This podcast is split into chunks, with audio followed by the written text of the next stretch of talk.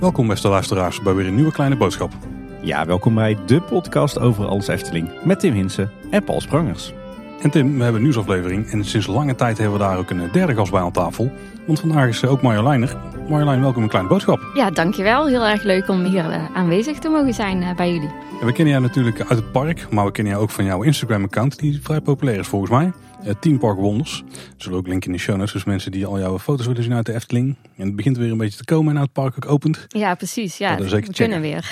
Ja, en af en toe plaats je daar ook uh, jouw visie op het nieuws en uh, wat updates uit het park. Ja, klopt. Ja, het begon eigenlijk een beetje als uitlaatklep voor mijn liefde voor het park. En omdat ik beter wilde leren fotograferen.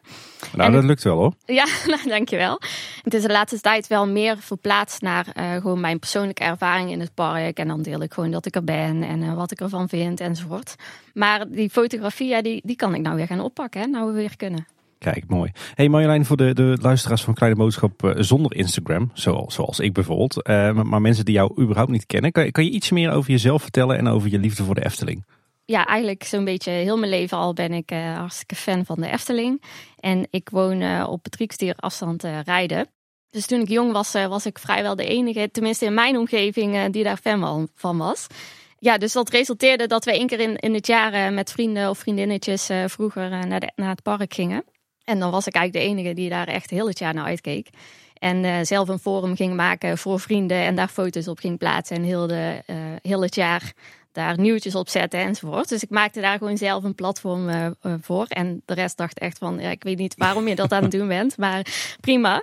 En um, ja, ik ben, ik ben later ook gaan uh, werken. bij de Combuis heb ik twee jaartjes ge gestaan. Dus ja, de Efteling is gewoon altijd een beetje een rode draad in mijn leven. Ik denk voor heel veel luisteraars uiteraard. En uh, Team Park Wonders is voor mij ook weer een uitlaatklep, weer een platform uh, waar ik dat kwijt kan en waar ik uh, me in de community kan begeven. Dus vandaar. En, en je deelt sinds een tijdje volgens mij ook de ervaring die wij ook hebben, namelijk dat je met, met een kindje het park in kan. Ja, klopt ja. ja. Dus dat geeft wel een extra dimensie aan, aan het fan zijn. want je leert toch weer op een andere manier kijken naar het park. En ja, hij is, hij is wel anderhalf, dus hij vindt het nog wel een beetje spannend, moet ik zeggen. Ja, en vandaag uh, nog een, uh, een heugelijk moment, want dit is ook de allereerste nieuwsaflevering die wij in de, de echte kleine boodschapstudio opnemen. Ja, de vorige keer melden we nog dat we vaak op afstand, de, eigenlijk altijd op afstand, de nieuwsafleveringen opnamen. En dit is de eerste keer een nieuwsaflevering in de studio. Ja, ja we hebben al heel wat afleveringen met gasten hier, hier opgenomen. Die hebben jullie allemaal nog niet gehoord. Die staan allemaal klaar voor, voor de zomerperiode. Maar het is inderdaad de eerste keer dat we niet, niet thuis achter het schermpje van onze mobiel in ons huispak zitten op te nemen. Nu zitten we gewoon lekker bij elkaar. Ik heb zelfs mijn haar gekant, dat is ongekend. Ja, inderdaad, dat doe je normaal gesproken nou nooit als je alleen met mij opneemt, Paul. Nou ja, die camera die is zo blokkig, dat zie je toch niet. Al die moeite die ik er dan in steek. Ja, precies. Nou, je kapsel is nog steeds blokkig hoor, maar... Uh... dank je, dank je, dank je. Ja, Marlijn, we hebben jou een tijdje geleden gevraagd om aan te schuiven bij een nieuwsaflevering. En je bent met je neus in de boter gevallen, want groot nieuws dit keer. Ja, inderdaad. Ik heb wel echt uh, heel erg geluk, moet ik zeggen. Ja, want er gaat iets enorms gebeuren in het park, tenminste wat ons betreft. Een enorm grote verandering weer. Een nieuwe speeltuin, een themagebied wat helemaal op zijn kop gezet wordt. Ja, nou ja, een nieuw themagebied hè. De wereld van Simbad. Ja, inderdaad. Daar gaan we daar natuurlijk uitgebreid over hebben. Ik heb er zin in. Ja, ik ook. En we hebben jou flink wat eh, huiswerk gegeven, Marjolein. Want het draaiboek is weer ouderwets eh, dik deze keer. Ja, precies. ik heb genoeg kunnen doorlezen. Mooi boekje. Ja, voordat we kunnen beginnen moeten we nog een paar eh, dingen uit de weg ruimen. Ja, wat dacht je van corona, Paul? Corona, dat moeten we zeker uit de weg ruimen. Ja, ik heb vandaag niet van mijn steentje bijgedragen. Heb je vandaag je prik gekregen? Ik heb een shotje Pfizer gehad, ja. Hey, ook Pfizer Crew, ik ook. Ja, ja, ja, ja, ja. Ik uh, voel het nog wel een klein beetje in mijn arm, maar het, het is te doen.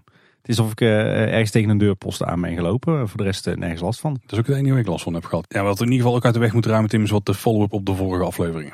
Ja, inderdaad. Uh, nieuwsaflevering 221, dat was onze vorige nieuwsaflevering. We gaan op weg richting de 250, Paul, besef ik me nu. Inderdaad. Toch maar eens, wat gaan we verzinnen voor die aflevering? Maar we, op die aflevering kregen we onder andere feedback van Giertje64. Een van onze meest actieve luisteraars, volgers. Of wij volgen hem vooral heel erg. En hij uh, wist nog te vertellen dat het verhaal van Vogelrok in het Groene Sprookjesboek... enkel een beknopte versie van de tweede zeereis van Simbad betreft. Uh, net zoals uh, de attractie zelf eigenlijk, hè, de attractie Vogelrok. Het Diamantendal is daar ook onderdeel van. In de attractie uitgevoerd als de lichttunnel net voor de eindremmen. Daar uh, heeft hij zeker een goed punt. Het is wel een beetje een El Chivo uh, Of in ieder geval de Action uh, Diamanten Tunnel. Hè? ja, ik neem aan dat Simbad destijds iets anders aantrof, ja. ik hoop het wel voor hem.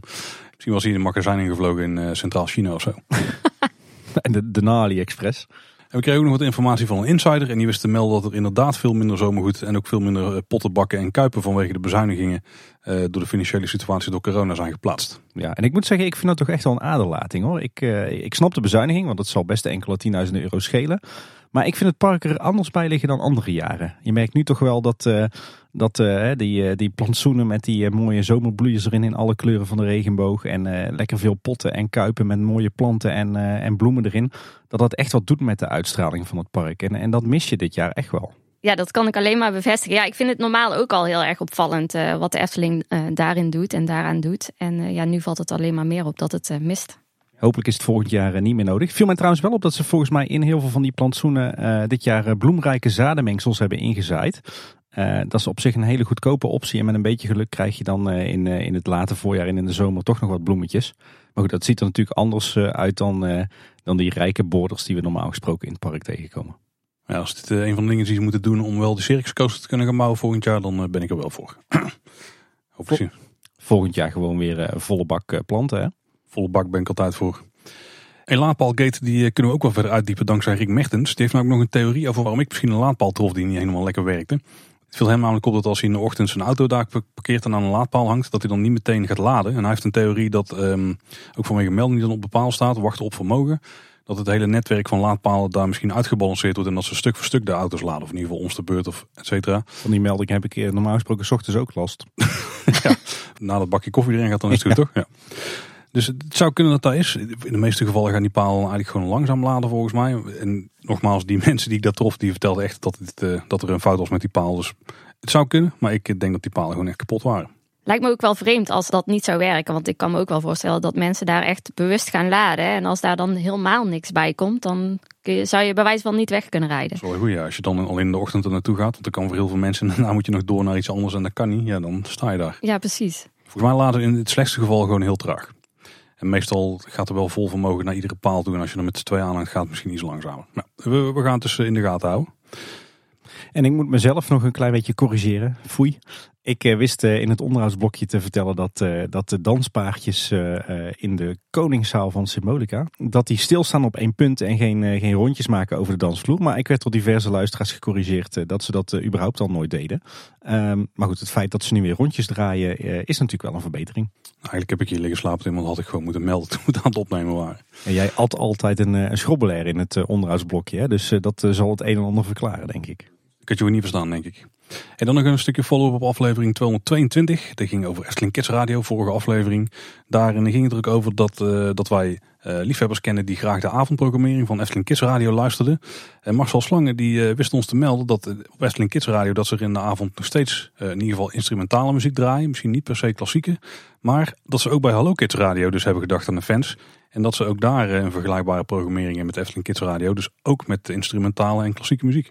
Ja, hey, en ik heb nog eens zitten nadenken, Paul, naar aanleiding van die aflevering over Efteling Kids Radio. Want het grote mysterie is natuurlijk waarom is de Efteling nou gestopt met, uh, met DJ's? En uh, de Efteling zegt daar zelf over dat ze een ander marketing inzicht hebben. Ik heb, dat heeft me toch niet, uh, niet losgelaten. Ik denk, wat kan dat nou in vredesnaam zijn? Maar ik denk dat ik wel een theorie heb. Brand los. En uh, dat kwam eigenlijk ook dankzij hetgeen wat uh, Arnoud en Mojoni in die aflevering vertelden. Want zij vertelde daar zelf dat Efteling Kids Radio steeds meer een op zichzelf staand merk werd. Hè. Ze kregen ook een, een ander logo wat veel minder met de Efteling van doen had.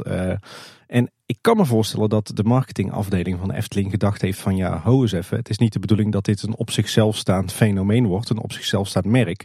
Het moet vooral heel dicht bij het merk Efteling blijven. Dus het gaat de foute kant op en daarom stoppen we met die DJ's. Zou dat het niet kunnen zijn?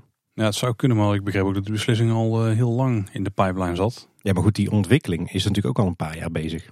Ja, maar zou dat zo sterk zijn? Ja, ja, wat mij een beetje triggerde is dat ze op een gegeven moment vertelden dat ze dus bewust uh, een ander logo en een andere vormgeving kregen die veel meer afweek van uh, de huisstijl van de Efteling. En toen dacht ik van, hé, hey, misschien dat daar ook wel uh, het, het probleem in zat voor de Efteling zelf. Aan de andere kant lijkt het me juist ook wel weer een pluspunt als het op zichzelf zo'n succes is en zo herkenbaar is. Want dat kan de Efteling alleen maar meer brengen, lijkt me. Dus ja. Ja, ja. ja dat is zeker zo. Ik zeg ook niet dat ik het eens ben met dat andere marketing inzicht van de Efteling. Maar ik kan me voorstellen dat dat de reden is waarom ze dit besluit hebben genomen. Het ging te goed. Ja, en nu naar het eh, favoriete onderwerp eh, moet ik zeggen van mijn kant. En dat is eh, de wereld van Sindbad. Ja, inderdaad, want inmiddels anderhalve week geleden toen kwam het eh, toch best wel grote nieuws. Dat de Efteling een flinke aanpassing gaat doen in Reizenrijk. Daar hebben we twee attracties op dit moment die op schop gaan. Monsieur Cannibal is de ene, die gaat veranderen in Sirocco. En het Avonturendolf, daar hebben we al zat teken aan van aan de wand gezien dat die gaat verdwijnen. Ja. Die gaat ook aangepast worden. Die, daar worden alle coniferen uit de grond getrapt en eh, daar komt Archipel. Ja, en het grappige is, die aankondiging die kwam op eh, donderdag 24 juni. Mooi op een opnamedag van Kleine Boodschap. Alleen het eh, toeval wilde dat we toen net geen nieuwsaflevering opnamen. Maar het grappige is dat de Efteling er zelf van tevoren eh, een hele leuke teaser voor had geplaatst. Hè? Hadden jullie hem door? Ik had het niet door toen ik het zag, maar uiteindelijk viel het kwartje wel heel erg eh, hard, ja. ja, zeker met alle geruchten die er eigenlijk daarvoor al rondgingen. Toen de video werd geplaatst, dacht ik, ja, nu moet het binnenkort wel bekend eh, worden. Ja, inderdaad, want twee dagen eerder plaatste de Efteling ineens eh, op het YouTube-kanaal eh, opnieuw een oude commercial. Die van eh, Vogelrok uit eh, 1998. Ja, dat was voor mij toch wel echt jeugdsentiment. Volgens mij nog aangehaald in de aflevering over Efteling in de media als een van de favorieten van Bjorn. Ja, zeker. Ja, dat was echt een, eh, een perfecte teaser. En ja, twee dagen later kwam dus inderdaad eh, het grote nieuws op de Efteling-blog. En even globaal, voordat we er diep in gaan duiken. eh, Nogmaals, Monsieur Cannibal wordt aangepast. Dat gaat Sirocco worden. Het thema wordt dus aangepast naar een Simbad de Zeeman thema. Daarnaast gaat dus het avonturendolf verdwijnen. Dat wordt een waterspeeltuin. Ja, daar is hij Tim. Yes. En, en die gaat Archipel heten. Buiten dat die twee attracties worden aangepast, wordt het hele reisrijkplan ook aangepast. Waardoor eigenlijk het stukje van Carnaval Festival wordt gescheiden van het stukje van ja, deze twee nieuwe of hergethematiseerde attracties. En uh, Vogelrok, waardoor je daar dus een, echt een duizend en een nacht Simbad de Zeeman themagebiedje gaat krijgen. Ja, de Efteling die zegt daar zelf over. De attracties Avonturendolf en Monsieur Cannibal krijgen een nieuw thema, 1001 Nacht. Na de verhalen van Simbad de Zeeman. Het gebied gaat dan ook de wereld van Simbad heten. Komende winter eh, gaan die eh, nieuwe attracties openen. En eh, het huidige Avonturendolf wordt een spannend eiland waar jonge ontdekkingsreizigers de speelelementen kunnen trotseren en de verrassingen kunnen ontdekken die op het eiland verscholen liggen. Onthoud die tekst. En Monsieur Cannibal wordt de Sirocco, jij zei het al Paul. Eh, de kookpotten van de huidige attractie Monsieur Cannibal worden echte handelschuitjes. Op zee is een wervelwind opgestoken en iedere koopman die een voet aan boord zet, stapt in een duizelingwekkend avontuur totdat de storm weer gaat liggen. Kijk, Ja, en die teaser die kwam bij mij wel echt binnen. Ik was daar echt meteen razend enthousiast over, moet ik zeggen. ging een lekker sfeertje in die teaser inderdaad. Ja, lekker muziekje, ook mooie visuals. Dat hij eh, meteen het uh, Duizend en nacht thema, dat droop er vanaf. En de, de muziek daarin, ja, ik had bijna een poging gedaan om te gaan analyseren. Maar het bleek achteraf dat René Merkelbach nog niet was begonnen aan de muziek. Dus uh, die heeft daar nog niks aan bijgedragen. Maar uh, ja, het sfeertje inderdaad was, was inderdaad goed. De visuals waren goed, goede, goed gebruik ook van klassieke Efteling elementen. Ja, zeker. Het geheel. De Efteling wordt echt steeds beter ook in het lanceren van uh, zulke nieuwigheden. Ze worden er inderdaad beter in, want ze geven al heel veel informatie die fans gewoon willen hebben. We kregen zelfs een bovenaanzicht met een plattegrondje van hoe het eruit ja. moet komen te zien. Ja, nee, het was zelfs een bouwtechnische plattegrond. Ik kon hem helemaal uh, tot op detail uh, uit uh, ontcijferen. Stond er ook maat in en zo? Dat was die eigenlijk niet ja, nauwkeurig genoeg voor. Niet. hey, voordat we gaan, uh, gaan bespreken wat we allemaal hebben gezien op de tekeningen, misschien goed om even de feiten op een rijtje te zetten. Uh, de werkzaamheden die starten op 6 september van dit jaar. En betekent dus dat uh, zondag 5 september de laatste openingsdag is van Monsieur Cannibal en het uh, Avonturendolhof. Wie weet moeten wij uh, rond die tijd ook maar eens richting de Eftelingpal. En de werkzaamheden die zijn gereed al in de winter van 2021. Dus dat is een korte bouwperiode. Perfecte moment om een waterspeeltuin te openen natuurlijk. Uh, ja, ik zou zeggen trek je waadpak aan, dan uh, komt dat helemaal goed. Uh, ontwerp is van Sander de Bruin. Die noemen ze tegenwoordig hoofdontwerper. Voorheen was dat teamlead ontwerp, maar blijkbaar ligt de focus nu toch weer meer op het, het echte ontwerpen en niet zozeer op het leidinggeven. de muziek die wordt natuurlijk weer van René Merkelbach. die was trouwens ook de gast bij 3FM, maar daar gaan we het later nog wel even over, over hebben. Kosten bedragen 2,76 miljoen euro. Uh, misschien een beetje weinig, maar ik denk dat het wel uh, te doen valt. Ik denk dat het wel goed komt. Uh, en het, het project beslaat twee fases. We moeten het zien als een totale gebiedsontwikkeling. Dus er wordt echt een volledig themagebied aangepakt. in fase 1 wordt Monsieur Cannibal aangepakt en het avontuurdolhof, waar we het al over hadden. Maar ook het hele plein en de landscaping. en dat is dan niet alleen het gedeelte bij Sirocco en Archipel. Maar ook het, het bestaande gedeelte voor Vogelrok. En er worden zelfs wat aanpassingen doorgevoerd in het Carnaval Festivalplein. En fase 2, ja, roffel. Panorama wordt aangepast. Dat Oeh. wordt een Oosters restaurant. Ja, wat dat gaat betekenen, dat is nog een grote vraag. Maar daar gaan we daar nog wel in ieder geval wat schoten voor de boeg voor waar. Waar ook over werd gepraat, is aanpassing aan Vogelrok. Ja, inderdaad. Ehm, daar hebben we niks meer van gehoord. Volgens mij is het ook al gevraagd aan de Efteling en er kwam daar officieel de reactie op dat daar niets mee gaat gebeuren. Er is vooral de, door de fans volgens mij heel veel over gepraat, omdat heel veel mensen daar wel de wensen voor hebben. Maar vanuit Efteling is inderdaad volgens mij bevestigd dat het uh, niet aan wordt gepakt. Het voorplein gaat natuurlijk wel uh, op de schop. Dus het zal qua thema, in ieder geval qua uitstraling als je aankomt lopen, wel verbeterd te worden. Maar aan de binnenkant uh, verwacht daar niks. Nee.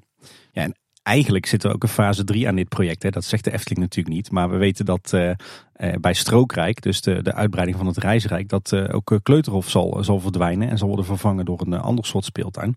Eigenlijk is dat wel de derde fase van de aanpak van het bestaande Reisrijk. Nou ja, je zegt het Tim, maar toch heeft ons Fons er wel iets over gezegd. In het blogbericht had Fons er namelijk redelijk wel over te vertellen. Hij zei, we hebben onlangs een positief besluit van de Raad van State ontvangen... waardoor de weg vrij is ons park aan de oostzijde uit te breiden in de toekomst. Daar zijn we ontzettend blij mee. Maar de grote uitbreidingsplannen hebben we vanwege corona uitgesteld. Onze aandacht gaat daarom nu eerst uit naar het gebied dat daaraan gaat grenzen. Dat gebied wordt in zijn geheel de komende jaren aangepakt qua thematisering, looproutes, infrastructuur, etc. Dit doen we gefaseerd. En zodoende is dit gebied in Reisrijk geoptimaliseerd als de gasten over een paar jaar richting de attracties in de oostelijke uitbreidingsgebieden gaan wandelen. Ja Tim, het staat er eigenlijk wel hè? Ja, het staat er wel ja. ja. Het oostelijke uitbreidingsgebied. Dan vind ik strookrijk toch net wat meer sexy klinken. Beter ja. Sander de Bruyne had natuurlijk daar ook iets over te vertellen als hoofdontwerper. Als ontwerper bij de Efteling is het mijn doel om via bekende sprookjes en verhalen een natuurlijke en sprookjesachtige omgeving en belevingswereld te creëren. De laatste jaren verleggen we de scope van het bouwen van attracties naar het ontwikkelen van een compleet gebied. Zoals bij Symbolica, waar ook Polles Keuken en de Pardoespromenade onderdeel zijn van de totaalsfeer. Datzelfde doen we nu rond het Max Moritzplein. Naast de achtbaan en de horecalocatie Vrouw Polteskuge bouwen we Bekkerij Krumel. Door een compleet gebied aan te pakken kun je de bezoekers onderdompelen in een bepaalde sfeer. Dat gaan we nu ook doen in Reizenrijk. De zeereizen van Simbad de Zeeman zijn een perfecte kapstok om de thematisering van Vogelrok verder aan op te hangen. Zo ontstaat een completere wereld van Simbad en daarmee een avontuurlijke belevingswereld voor onze gasten. Ja, dat is natuurlijk wel een mooie ontwikkeling. Hè? Want we zeiden het al eerder, de Efteling stapt echt af van die, die rijke structuur. En uh, geeft eigenlijk zelf toe dat de Efteling bestaat uit heel veel kleine themagebiedjes. En uh, ja, dat gaan ze nu ook zeg maar formaliseren door, uh, door nu en in de toekomst juist dat soort kleinere themagebiedjes te maken en te versterken. Het wordt wel het eerste themagebied waarbij er meerdere attracties in hetzelfde thema gegoten zijn. Tenminste, als we een Anton Pieckplein bijvoorbeeld even vergeten. Ja. Want Vader Morgana is natuurlijk al jaren eigenlijk zo'n klein themagebied met ook een stukje horeca erbij. Uh, we hebben inderdaad Symbolica, maar dat is ook een attractie met horeca. Dan hebben we inderdaad Max Moritz, zoals we dus nu bezig zijn, met één attractie en horeca. En dit is de eerste plek waar ook de invuls worden meegenomen. Of waarbij er überhaupt invuls worden meegenomen. Ja, ik denk dat dat wel de toekomst heeft. Hè? Want we weten dat ze dat met, uh, met uh, Grand Circus Balancé natuurlijk ook gaan doen. Hè? Ja, zeker. Ik dacht vanochtend ineens, ik zat toevallig After Park Lounge te, te luisteren. Eigenlijk gaat de Efteling naar in Europa Park achterna. achterna hè? Oh jee. Want ik hoorde dat, uh, dat Europa Park 18 themagebieden heeft. Nou, ik denk als je een beetje je best doet, dat je er in de Efteling ook wel ongeveer zo'n aantal kan ontcijferen. Ja, ik, uh, ik ga de oefening, de teloefening niet doen.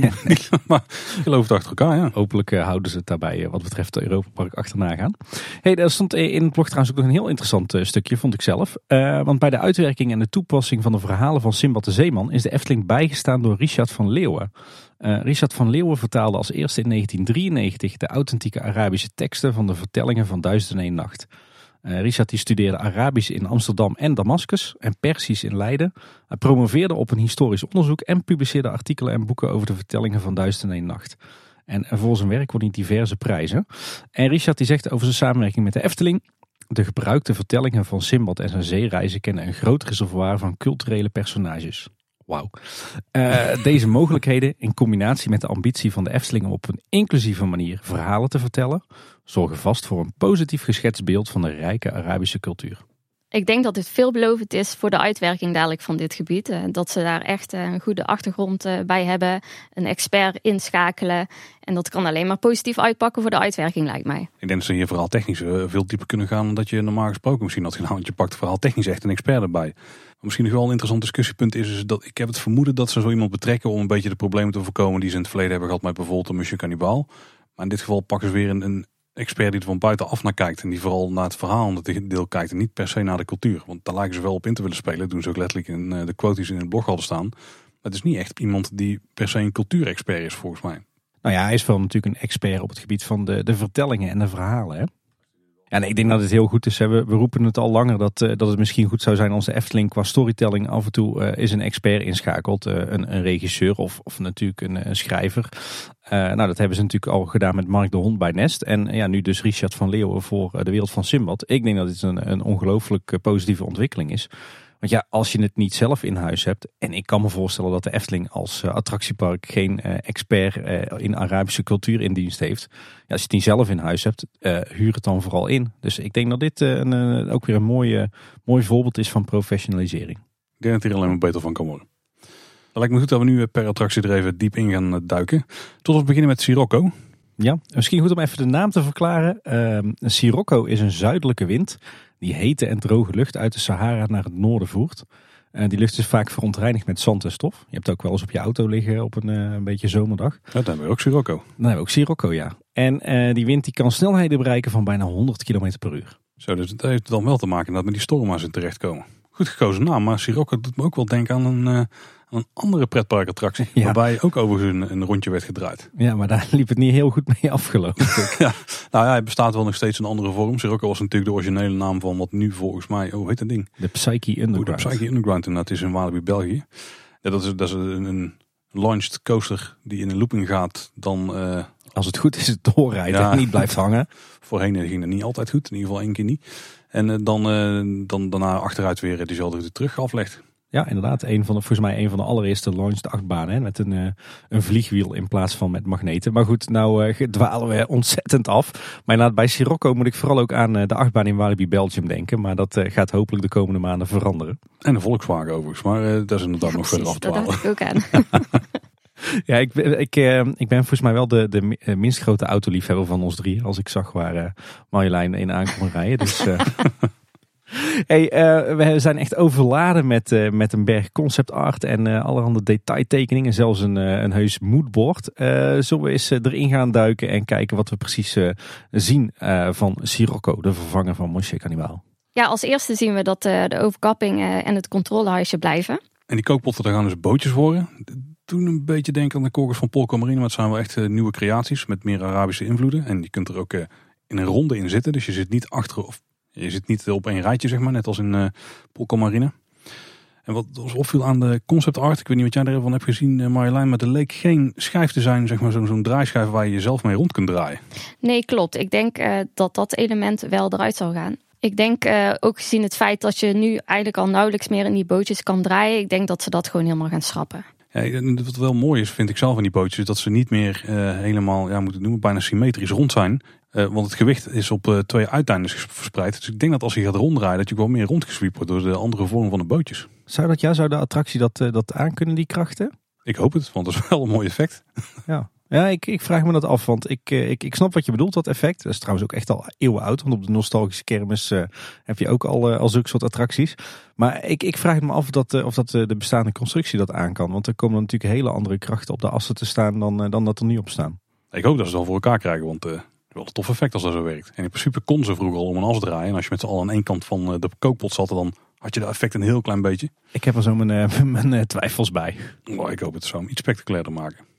En we gaan er misschien eigenlijk bijna aan voorbij. Maar een van de dingen die ze hier natuurlijk mee gaan oplossen is dat het, uh, nou laat het zo noemen, het, het veelbesproken beeld in het midden van de kannibalen, die daarmee verwijderd gaat worden. En die gaat dan vervangen worden door een beeldenis van, ja, ik denk dat dit Simbad is. Of misschien iemand anders uit het verhaal van, uit de wereld van Simbad? Ik, ik vermoed inderdaad Simbad zelf. De Efteling die ging daar trouwens wel bewust aan voorbij hoor in uh, het blogbericht en het persbericht. Ja, heel subtiel inderdaad. Maar het lijkt mij wel dat het uh, Simbad is en dat we samen met hem uh, in een storm zitten. En zouden we dan een animatronic krijgen? Animatronic of een beeld? Ik denk dat ze, dat ze tegenwoordig niet meer wegkomen met een kunststofbeeld. Het zou zomaar inderdaad is wel echt een animatronic kunnen zijn. Het hoeft niet veel te zijn, hè? want hij lijkt aan een touwtang in het midden van de constructie. Dus als hij wat op en neer gaat of hij draait een beetje mee rond, dan zou het al veel kunnen doen. En dan hoef je er als animatronic niet eens iets heel uh, boeiends van te maken. Nee. Mag wel altijd, Efteling, mag wel. Hè? ja, nou, volgens mij komen nog wel meer animatronics tegen in, uh, in dit, uh, dit nieuwe themadeel. En wat mij nog opviel is dat het hele gebied omringd wordt door water. Dat wordt Monsieur Cannibal nu natuurlijk ook wel. Maar die, die waterpartijen die worden flink uitgebreid. er komen ook allerlei meerpalen in het water te staan. het leek op de concept art erop dat er ook water op de schijf zou komen te staan je zou zeggen, gaat het wel goed? Maar er is natuurlijk een attractietype, uh, ook van MAC, uh, waarmee dat kan. Hè? De Twist and Splash. Dat is eigenlijk een soort ja, theekopjesmolen, maar dan staat er een laagje water op. Maar Sander de Bruin die gaf zelf aan in een commentaar op LinkedIn dat het geen twist en splash wordt. Dus het blijft gewoon het huidige attractietype. maar hij zei dat ze wel meer water gaan toevoegen. de vraag is dus even hoe. Ik vermoed dat we gewoon een, een blauwe schildering van water op de schijf gaan krijgen. Ja, hij, hij houdt het wel heel erg open. Ze gaan wel meer water toevoegen. We gaan wel meer water toevoegen. Het zou misschien ook iets met watereffecten kunnen zijn. Oeh. Ja, ik denk dat vooral uh, rondom dat attracties waar ze meer water gaan toevoegen. En dat het leek dat het op de schijf was, was denk ik een stukje artistieke vrijheid. Was wel mooi geweest eigenlijk. was ja, zeker mooi geweest, ja. Dat paste niet binnen die 2,8 eh, miljoen euro, denk ik. Dan wordt het krap, ja. Ja. En er komen trouwens aan het, eh, de overkapping blijft staan. De rieten kap van Michel en Dulk. maar die wordt verder aangekleed. zo komen er allerhande netten te hangen aan het, aan het plafond. Natuurlijk een verwijzing naar de, de koopvaardij en, de schepen. En, en er komen heel wat mooie hangende armaturen te, te hangen. Hanglampen in Oosters thema. We zagen ook een paar detailtekeningen tussen de concept art zitten. En het viel mij op dat, volgens, dat ze volgens mij ook dat die lamp die zeg maar in de Indische waterlelies hangt. Boven de plekken waar jij, waar jij staat zeg maar als, als toeschouwer. Dat ze, dat ze die uh, overigens prachtige lampen ook hier gaan toepassen. Dus misschien worden die nagemaakt en gaan we die hier ook in de attractie zien. En in de concept art zien we ook een eh, boot voor de attractie liggen met zeil. In de concept art zien we daar ook een figuur op staan. En ik hoop weer op een animatronic, maar het zou ook hier wel eens artistieke vrijheid kunnen zijn. Die een beetje de impressie moet geven van hier gebeurt iets. Het kan natuurlijk niet Simbad zijn, want dan zien we daar een meter of 15 achter ook al staan. Zou dit gewoon een, uh, random schipper zijn? Een Arabier. Maar het was wel het beeld wat ze ook in het logo gebruiken, toch? Dus lijkt me toch wel dat dat juist wel Simbad zou moeten zijn in dit geval of het pleit weer voor die artistieke vrijheid. Oei. of het is gewoon Simbad en zijn bemanning. Ja, het zou inderdaad goed kunnen zijn dat Simbad uh, voor de attractie staat. En in de attractie dat we uh, een van zijn bemanningsleden zien. Ja, we zijn in principe ook allemaal bemanning. Of in ieder geval schippers in een vloot die daar uh, over de zee gaat uitvaren. Ja. Het leuke is wel dat die, die boot die dus in het water ligt voor de attractie, dat die echt zwaar gedecoreerd is. Een heel mooi Arabisch tintje. Er hangen ook mooie lampjes aan de boot en hij is ook volgetast met bagage. Dus uh, dat ziet er weer prachtig uit. Niet om mijn enthousiasme in te perken. We zien op de top-down view, zeg maar, dus platte grond. Daar zien we het bootje ook staan en dan zien we geen animatronic erin. Dus ik mm, hou maar het vast. Ja, hopelijk kunnen we die vraag nog eens aan Sander zelf gaan stellen. Nou, ook een grote wijziging daar. De entree die gaat verplaatst worden. Die is nu in principe als je voor de attractie staat natuurlijk aan de rechterkant. Maar die gaat verplaatst worden naar de linkerkant. En dan loop je eigenlijk via wat bruggen die ook langs Archipel lopen of misschien er doorheen. Dan loop je meer richting de achterkant van de attractie. Dus waar nu de wachtrij ook loopt. Daar maak je een lus en dan draai je terug naar uh, wel de huidige aansluiting op de draaischijf. De uitgang zelf die, uh, is wel op dezelfde plek. Die gaat dan via een nieuwe langere brug. Ja, er komt meer water, dus er is ook echt een, een brug nodig. En het toffe hiermee is dat je dus veel meer thematisering rondom de attractie krijgt. Dus niet alleen maar op de schijf zelf en onder het dak, maar ook daarbuiten. Dat wordt allemaal wordt betrokken dus bij het duizend en nacht thema. Bij de wereld van Simbad. Ja. ja, wat ook nog wel tof is, is dat we aan de achterzijde van de attractie ook een, een eh, soort kijkplek krijgen. Een steiger lijkt het in het water, waar je dus ook nog uh, kan gaan staan en kijken naar, uh, naar de bootjes die uh, rondzwieren. Ja, dan kijken we al een beetje naar de wat grotere indeling van het hele gebied. Want er loopt inderdaad een soort pad om, het, om beide attracties heen eigenlijk. En die sluit aan op die steiger. Maar ook als je aan de kant van Vogelrok staat, dan lijkt er een soort ja, kunstmatig strandje of zo te zijn aangebracht. En daar uh, kun je ook gewoon naar kijken naar je kinderen die ronddraaien. Want dat is natuurlijk wel een van de dingen die daar vaak gebeurt. Hè. Het is een van de toch wel eerdere spectaculaire attracties waar je in mag. ik ben benieuwd trouwens wat er gebeurt met keuring. Zou hier een, een nieuwe minimumlengte aankomen? Ik eh, mag toch hopen van niet, want mijn jongste dochter is groot fan van Monsieur Cannibal. En het zou wel zuur zijn als die er ineens niet meer in mag. Bij mij ook beide. Maar het is in ieder geval bij deze attractie wel heel belangrijk dat je ook kunt kijken vanaf de kant. En dat kan hij nog steeds dadelijk.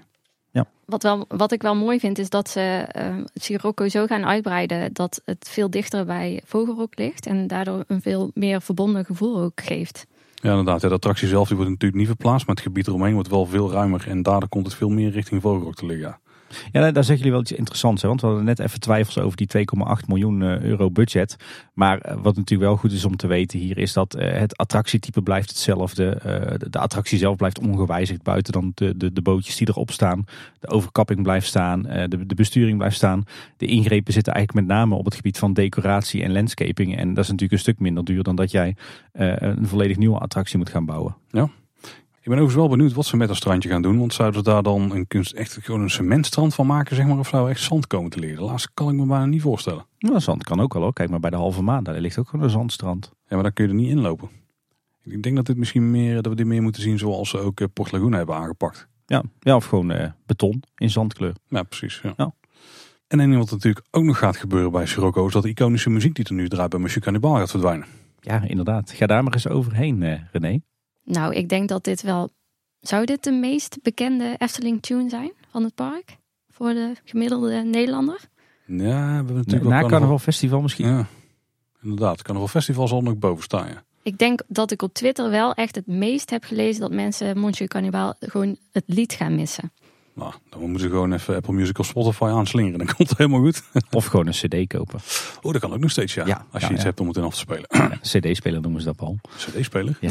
Hey, voordat we het gaan hebben over eh, het, het algehele themadeel en eh, de landscaping. eh, misschien goed om ook nog even naar Archipel te kijken. Hoe spreek je dat eigenlijk uit? Archipel? Of archipel? Archi- Archipel is het. Archipel, ja, denk ik. Ja, de klemtoon, maar die ligt dus niet zo heel erg. Nee, eh, precies. We zijn Brabo's, hè, dan verhaspelen we dat toch vaak. wat is een archipel? Nou, een archipel wordt ook al een eilandengroep genoemd. Dat is een landvorm die bestaat uit een ketting of een tros van eilanden. Eh, ik moet gelijk aan de Waddeneilanden denken.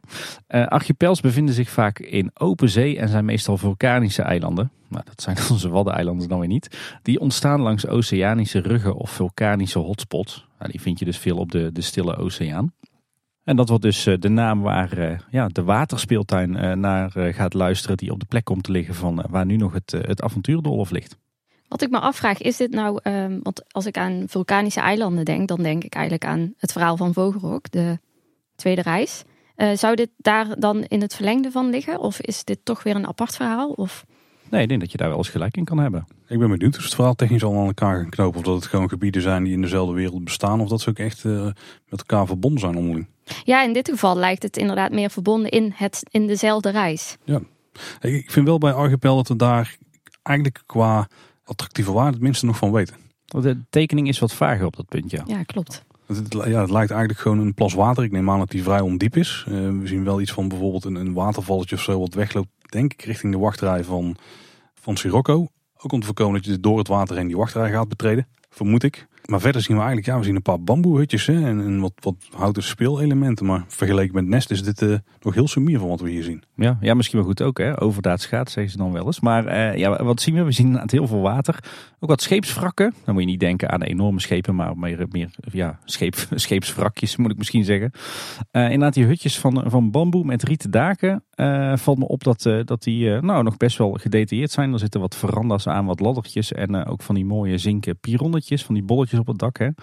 Ik zag ook een eh, gezonken bootje ergens in het water liggen, omringd door eh, wat half vergane tonnen. Eh, heel wat rotswerk en wat stapstenen. Volgens mij komen er ook her en der wat steigertjes te liggen en eh, touwbruggen over het water. Volgens mij eh, gaan ze de brug met het eh, springende water, die nu nog in het avontuurdolhof ligt, eh, gaan ze die verplaatsen en hier hergebruiken. Of misschien blijft die ook wel gewoon liggen op zijn huidige plek. Dat is niet de enige link volgens mij met het Dolhof. Want iemand op Twitter, vergeef me dat ik de naam eh, even mis, maar zei ook dat die hutjes eh, wel eens gelinkt zouden kunnen worden aan het Dolhof. Want daar staat nu ook zo'n typisch hutje in. Nee, de staat ervan is volgens mij wel vrij slecht. Maar inderdaad, er staat al zo'n hutje. Ja, dus is ook wel een soort van eh, verborgen link misschien met... Ja, het Dat lijkt er wel op. Ja. Dan moet ik wel zeggen dat ik bij die stijl van die, die hutjes die we terugzien in de tekeningen, dat ik meer echt aan Polynesië moet denken. Een beetje Hawaiiaans en niet per se aan de Arabische wereld. Maar daar ben ik geen, eh, wat dat betreft geen thema-expert. Maar daar heb ik nog wel een klein beetje mijn, mijn vraagtekens bij. Nou, als je maar ver genoeg wegvaart, dan kom je die vanzelf tegen. Ja. Eh, overigens dacht ik ook wat mangrovenbomen te zien eh, op, de, op de concept art. Zou wel heel vet zijn als ze die hier gaan planten en als het ook lukt. Het enige wat ik nog mis en wat ik hier wel verwacht had op deze plek is eh, de walvis van Polka Marina. Ja, of zou het een verrassing zijn? Ja, kijk, als we kijken naar de meest linkerkant van eh, de concept art, dan ligt daar nog een heel stuk doolhof. Want ze hebben eigenlijk een overleg gemaakt op een satellietfoto. Daar hebben ze die, eh, plattegrond- die top-down plattegrond opgelegd. Er is aan de linkerkant ook een heel stuk doolhof te zien. Kijk, dit kan natuurlijk gewoon een, nieuw stuk groen worden in het park. Het kan ook zijn dat daar nog wat verrassingen komen. Ja, ik vind dat, dat de, de walvis van Polka Marina wel echt hier terug moet komen. Al is het maar ergens in de achtergrond, zo half verscholen achter wat rotsen, eh, achter wat groen. Ja, dan moet, hij moet toch daar terugkomen, joh, jongens. Ja, zeker op zo'n manier. Zo wel subtiel. Eh, ik denk niet dat het echt eh, de hoofdrol moet pakken, maar eh, een subtiele verwijzing zou heel erg leuk zijn. Ja, Sander die kan dat toch. Ja, zeker. Het zou best passen qua stijl, dus eh, prima. Nogmaals, we zien niet superveel details op eh, de concept art. Maar ik kan me toch voorstellen dat hier heel veel eh, sproeiers komen en fonteintjes. En eh, dat op allerlei plekken water de lucht in springt. nogmaals, ik ga ervan uit dat het water ondiep is. Want op de meeste punten dan kun je wel ergens een looppad overgaan over balk of zo heen lopen lijkt het. Ja, als je dan aan het einde in, in water van een halve meter diep komt, dan denk ik dat het, uh, niet heel veel mensen daar gebruik van gaan maken. Of heel veel, kinderen, heel veel ouders hun kinderen daar gaan laten spelen. Maar ja, weet je wat het is? Ik ben in best veel waterspeeltuinen geweest, met name in uh, natuurlijke waterspeeltuinen. Dan is het vaak ook niet meer dan een, een bak natuurlijk water met wat boomstammen en wat, wat, wat keien. Hè? Door wat dat betreft is het wel redelijk een klassieke waterspeeltuin. Het hoeft niet één grote catalogus van speeltoestellen te zijn die hier wat leeggetrokken. Ik sta er ook best wel van te kijken eigenlijk dat het een, een bak water lijkt te zijn. Of, of dus een ondiep watertje. Want uh, als je kijkt in Toverland heb je ook een paar van die waterspeeltuinen. En daar kun je inderdaad, als je wil als kind, kun je wel gewoon uh, het water induiken. Maar het water loopt eigenlijk dan meer tussen ja, verhoogde delen door. Waardoor je dus ook gewoon vrij droog door dat gebied heen kunt bewegen. Maar het lijkt dat je in de archipel niet kunt spelen als je niet zeiknat wil horen. Ja, tenzij je heel goed om kan gaan met vlotten en touwen natuurlijk. Of goed op je handen kan lopen, want dan worden je schoenen in ieder geval niet nat. Nou, misschien zal, wat je zegt, misschien zal het meevallen. Want het zijn ook vulkanische eilanden. Dus echt super nat zal het denk ik niet worden. Ja, de vraag is even inderdaad wat ze doen met de wintersituatie. Hè. Gaan ze dan het water laag zetten waardoor je er toch kan spelen? Of, of is het gewoon op eigen risico en je kan erin spelen, maar dan word je nat? Of is het vooral voor de uitstraling, dat het dan iets is om naar te kijken? Ik vind het een interessante kwestie. Ik ben heel benieuwd wat ze in de winter gaan doen. Zeker omdat het in de winter opent. ja, inderdaad. Hey, we hebben het gehad over de twee nieuwe, tussen aanhalingstekens, nieuwe attracties uh, in dit uh, themadeel. Maar wat mij betreft is, is de hele landscaping en het, het nieuwe plein is minstens net zo interessant. Ja, zeker. Wat, wat, wat, misschien wel de, de grootste wijziging is, is dat het, het Reisrijkplein of het Carnaval Festivalplein of het Vogelrokplein of het Noorderparkplein, hoe je het ook wil noemen, dat dat voor het eerst in twee gedeeltes gaat worden opgesplitst. Hè? Ja, ik zag het Sander de Bruin ook ergens uh, vertellen dat het groen uh, voor een duidelijkere scheiding van de twee gedeeltes en de twee werelden zal zorgen. Ja, want er komt eigenlijk een, een, doorgang tussen die twee delen. Want er komt een groenstrook te liggen aan, als je voor Vogelrok staat, de linkerkant van Vogelrok, ook vrij strak daar tegenaan. Die lijkt al uh, breed te worden, een aantal meters breed met bomen erin en bossages. En dan vooral het deel vlakbij Sirocco, daar komt dan een doorgang van, ja, hoe breed zou die zijn? Een enkele meters breed. Ik ben wel heel benieuwd wat dit gaat doen met de gasflow overigens. ja. Die worden wel enigszins hier geforceerd. Maar er is nog een andere manier om aan de andere kant van deze twee attracties te komen. Ja, inderdaad, want we krijgen ook een nieuwe looproute achter de attracties langs, als het ware. Hè? Dus zeg maar tussen uh, Sirocco en Archipel en de speelweide in. Maar het lijkt wel een avontuurlijke route te worden. Ja, eentje die, uh, die helemaal geïntegreerd wordt in Archipel. Nou, wel interessant dat je inderdaad twee manieren hebt om, uh, om het gebied te doorkruisen. Maar gezien de toch wat smallere doorgang, vraag ik me af hoe dit dadelijk gaat zijn op drukke dagen. Want je ziet dat dat plein nu al uh, best wel een chaos wordt als het heel druk is. Um, misschien zorgt twee, uh, zorgen de twee wegen juist wel voor een duidelijkere stroomlijn. Maar ja, ik vraag me toch wel af hoe dat gaat zijn. We hebben het al een beetje gezien wel in de periode van de afgelopen maanden. Of in ieder geval vooral vorige zomer. Want toen was het hele plein er al voor een groot deel afgezet. Ja. Misschien wel stiekem met dit in het achterhoofd. Nou, misschien eerder andersom. Hè? Dat ze hebben gezien toen ze zagen dat dat dus ook kan. Misschien dat ze toen dachten van, hé, hey, dan kunnen we die doorgang ook smaller maken. Ja, maar een groot verschil natuurlijk met toen is dat in de toekomst die wel veel meer, dat in de toekomst veel meer mensen in het algemeen in het park zullen zijn. Waardoor het daar ook misschien nog drukker gaat worden. Ja, maar laten we eerlijk zijn. Dit plein stond wel altijd vol met, met spul. Hè? Ik bedoel, uh, overal podia, uh, bankjes, plantenbakken, buitenverkoop, uh, kinderwagens. Ja, het was inderdaad meer chaos vanwege dat er gewoon geen structuur in zat dan misschien het plein aan zich. Ja. Maar ja. het, is, het is tricky, daar ben ik met jullie eens. Ja, er zijn volgens mij gewoon maatstaven hè, wat je aan doorgangen moet hebben. Dus ik neem aan dat ze daarover nagedacht hebben. Maar we hebben inderdaad ook nog die tweede doorgang. het is niet echt een makkelijk begaanbare doorgang, denk ik. Want het lijkt een soort avonturenpad of zo. Met allerlei vlonders en ja, een soort hindernissen waar je overheen slash langs kunt. Het is me niet helemaal duidelijk. Dit is een stuk wat het dus een beetje van transparant is. Dus we kunnen niet alle details daar uithalen. Nee, nee, wat ik erin zag was in ieder geval een hoop groen. Wat bruggen en uh, wat rotsen. Ja, maar ik zie bijvoorbeeld ook twee vlonders met daar een paal tussen. Ik kan me voorstellen dat het een soort evenwichtsbalk is. Ja. Uh, Eén stuk daarvan lijkt zelfs een... Uh, eigenlijk een vlot te zijn. Met twee touwen langs waar, ja, waar je jezelf misschien via het vlot heen en weer moet bewegen. Ga je met je kinderwagen? dan wordt het een, lastig verhaal, ja. Er zijn ook wel een paar plekken waar je overigens van het pad kunt afwijken om dan het avontuurlijke deel te beleven. Maar ik, ben heel benieuwd wat dit in de praktijk gaat zijn. Het is wel een mooi stukje, nou een beetje in rond dwalen denk ik. Iets wat de Efteling echt nog mist. Wat ik, ik eigenlijk vooral het mooiste vind aan een uh, stukje landscaping is hoe zeg maar, het, uh, het plein eruit komt te zien. En met name dan het, het deel van de wereld van Simbad. Ze gaan heel erg werken met, met palmen. Dat lijkt me echt heel tof. Want ik vind het plein nu erg stenig. En we krijgen er dus heel veel groen voor terug. in thema. Dus heel veel palmen. Maar ik zag ook heel veel extra plantvakken met allerhande Oosterse beplanting. Die brug tussen die twee gedeeltes van het, uh, het huidige Reizenrijkplein, die, die komt er ook erg vrij uit te zien. Met, uh, met stukwerk, met de doorpiepende steentjes en scheuren. Dat zag er echt prachtig Eftelings uit. Ook nieuwe lantaarnpalen zo te zien in een Oosters thema. Met, met her en der ook wat kleurige vaandels eraan. Um, ik zag ook wat, wat potten en vazen door het, door het gebied neergelegd. Die ook wel dat Oosterse thema hebben. Zelfs gethematiseerde prullenbakken staan al op de, de concept art.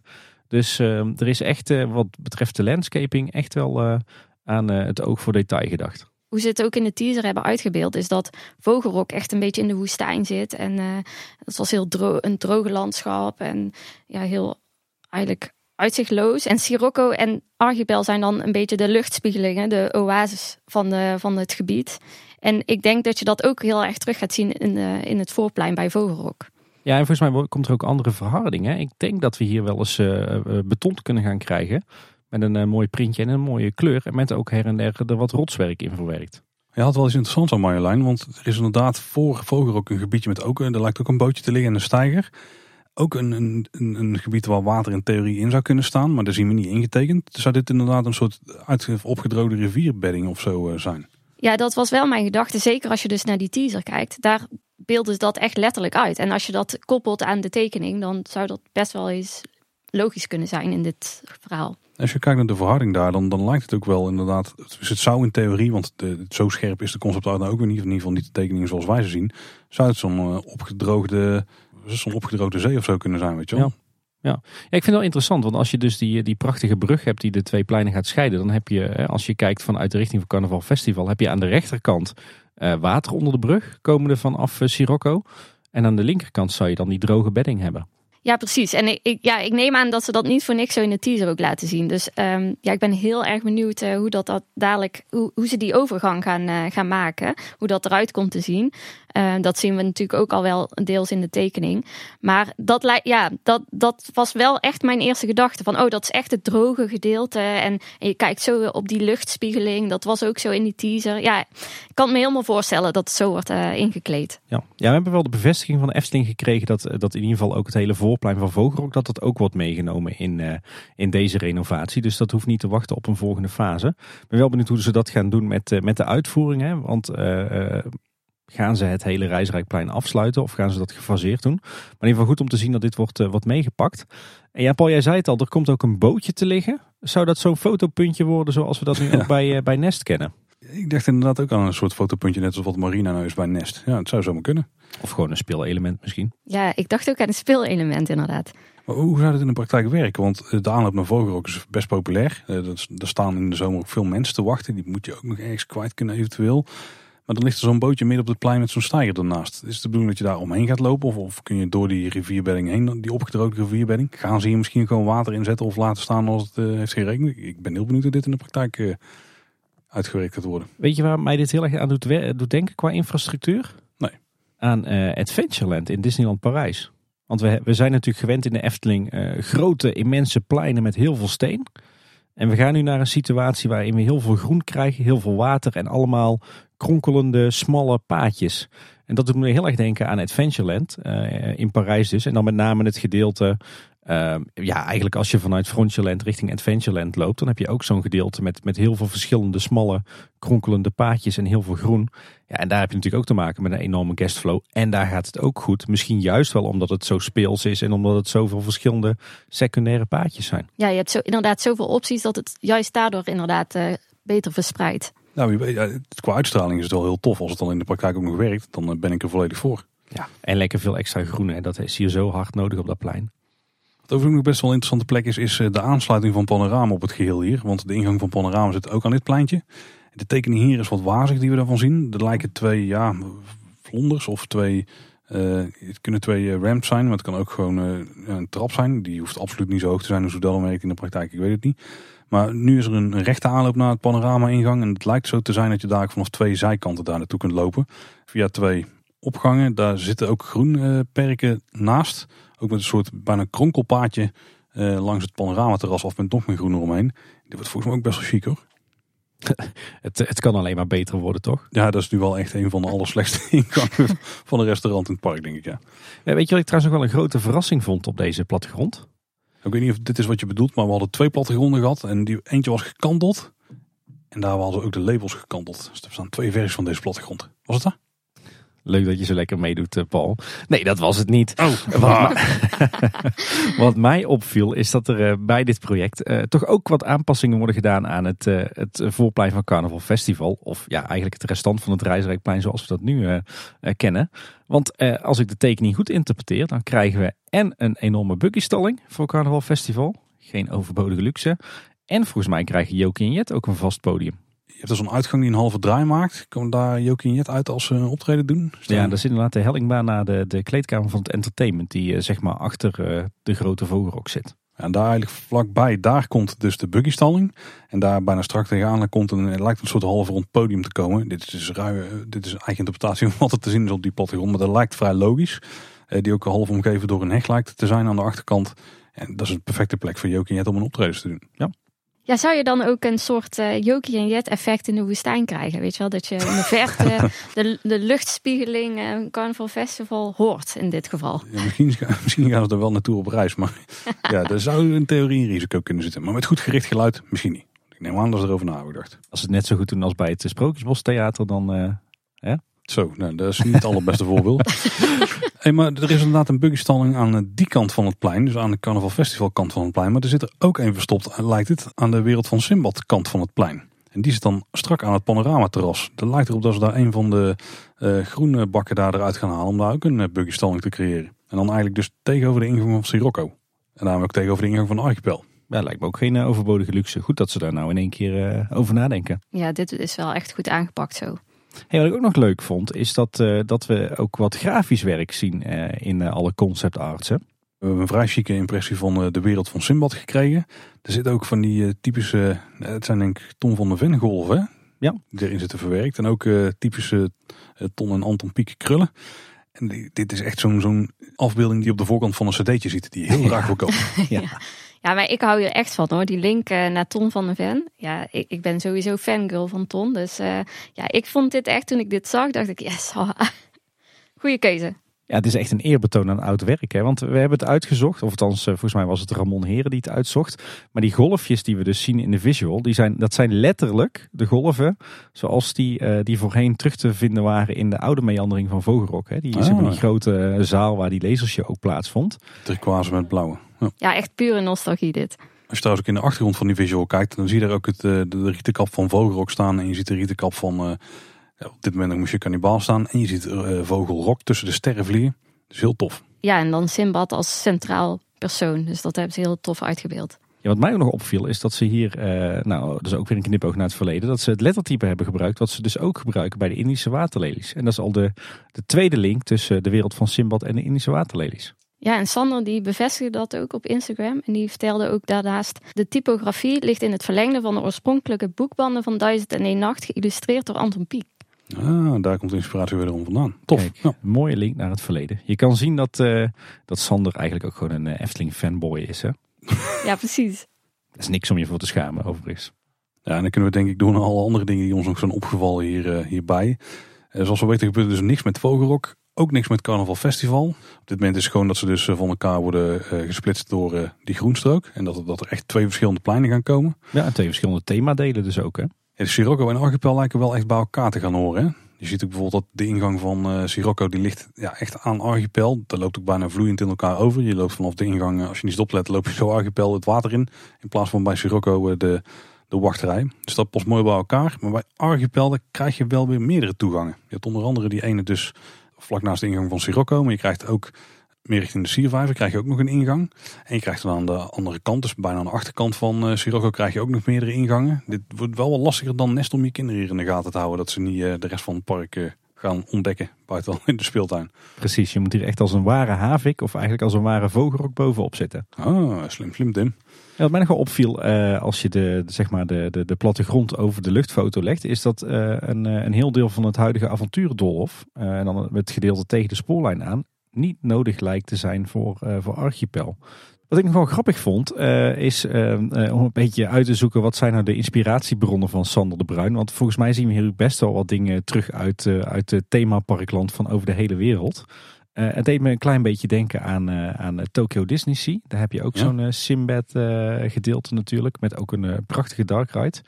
Het, qua, qua infra en qua landscaping doet het me heel erg denken aan Adventureland, wat ik al zei, hè, zoals we dat kennen in Disneyland Parijs. En Archipel heeft misschien ook wel wat weg van uh, Tom Sawyer's Island. Ja, het heeft ook wel wat kleine touches van, van die klimbossen die je op steeds meer plekken ziet opduiken. Ja, behalve dat je die hier niet hoeft te klimmen. Nou ja, dat is nu niet zeker. Dus volgens mij zijn er wel een paar plekken waar je kunt klimmen. Je hoeft alleen nergens zeker te zijn. Dat scheelt wel nog. Ja, nou, met de touwbrug over het water. Hey, maar jullie gaan er wel snel aan voorbij. Maar dat er met Vogelrok niks gebeurt. Wat vinden jullie daarvan? Ja, voor dit budget denk ik dat je daar niet de wijzigingen kunt doen die je zou moeten doen. Ja, met het budget wel. Maar dan moet je het alleen in Vogelrok pompen. dan kun je de andere wijzigingen niet doen. Dat zou zonde zijn. Ja, nou, ik hoop dat ze Vogel ook nog wel een keer goed gaan aanpakken. Maar financieel, uh, technisch gezien denk ik dat het interessanter is inderdaad om dit nu aan te pakken, die twee uh, gebieden. Attractieve waarde van het gebied wordt dan hoger.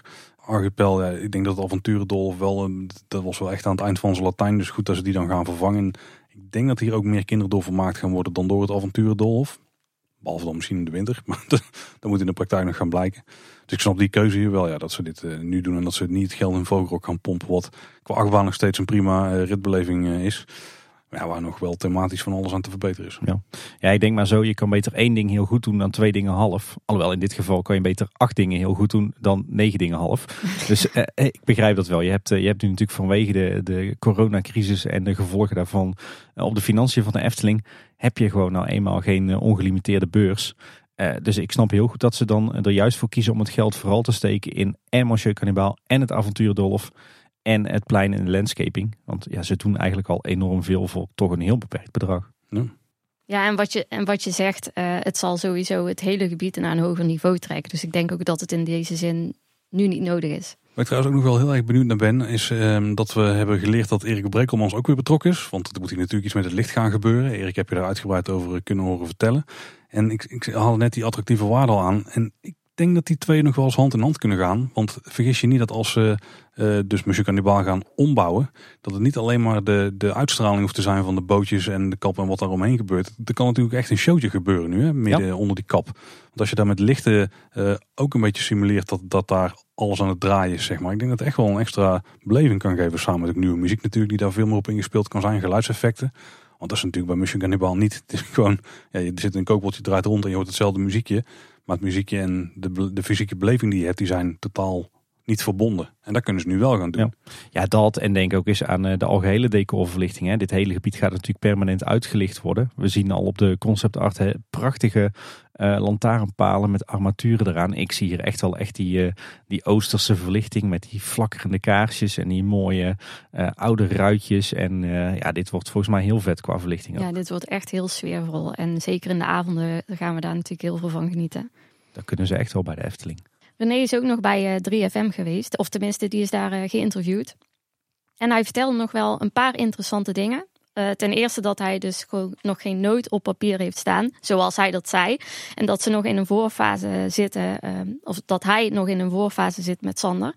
En dus heel erg aan het brain, brainstormen zijn.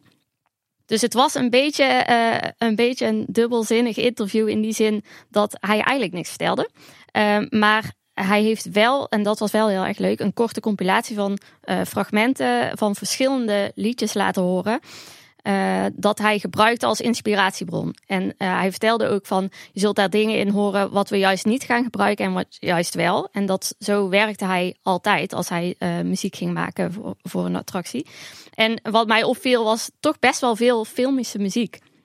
Dus Indiana Jones hoorde ik voorbij komen, Aladdin, echt zo duizend en één nacht, maar ook heel veel avontuur centraal.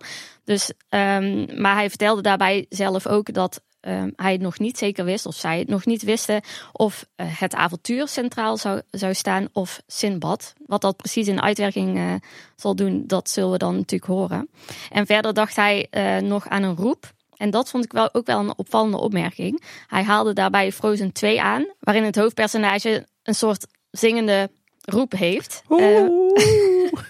ja. Ja, dat is hem, Tim. Maar eh, hij klinkt in de film wel iets beter, ja. Ja, ik ben Ja. inderdaad ook erg benieuwd hoe dat Ja. eh, qua uitwerking is. Ik klonk meer als Olaf dan als Elsa, wat betreft eh, Roel. Hopelijk niet zo'n soort jel als in Nest. Dan- Ik denk dat eh, alle luisteraars dat met jou meehopen. Zeker als wij een live verslag daar moeten gaan doen. Vervolgens ging het over het bekende melodietje van Monsieur Cannibal. En hoe hij dat ging evenaren of verbeteren.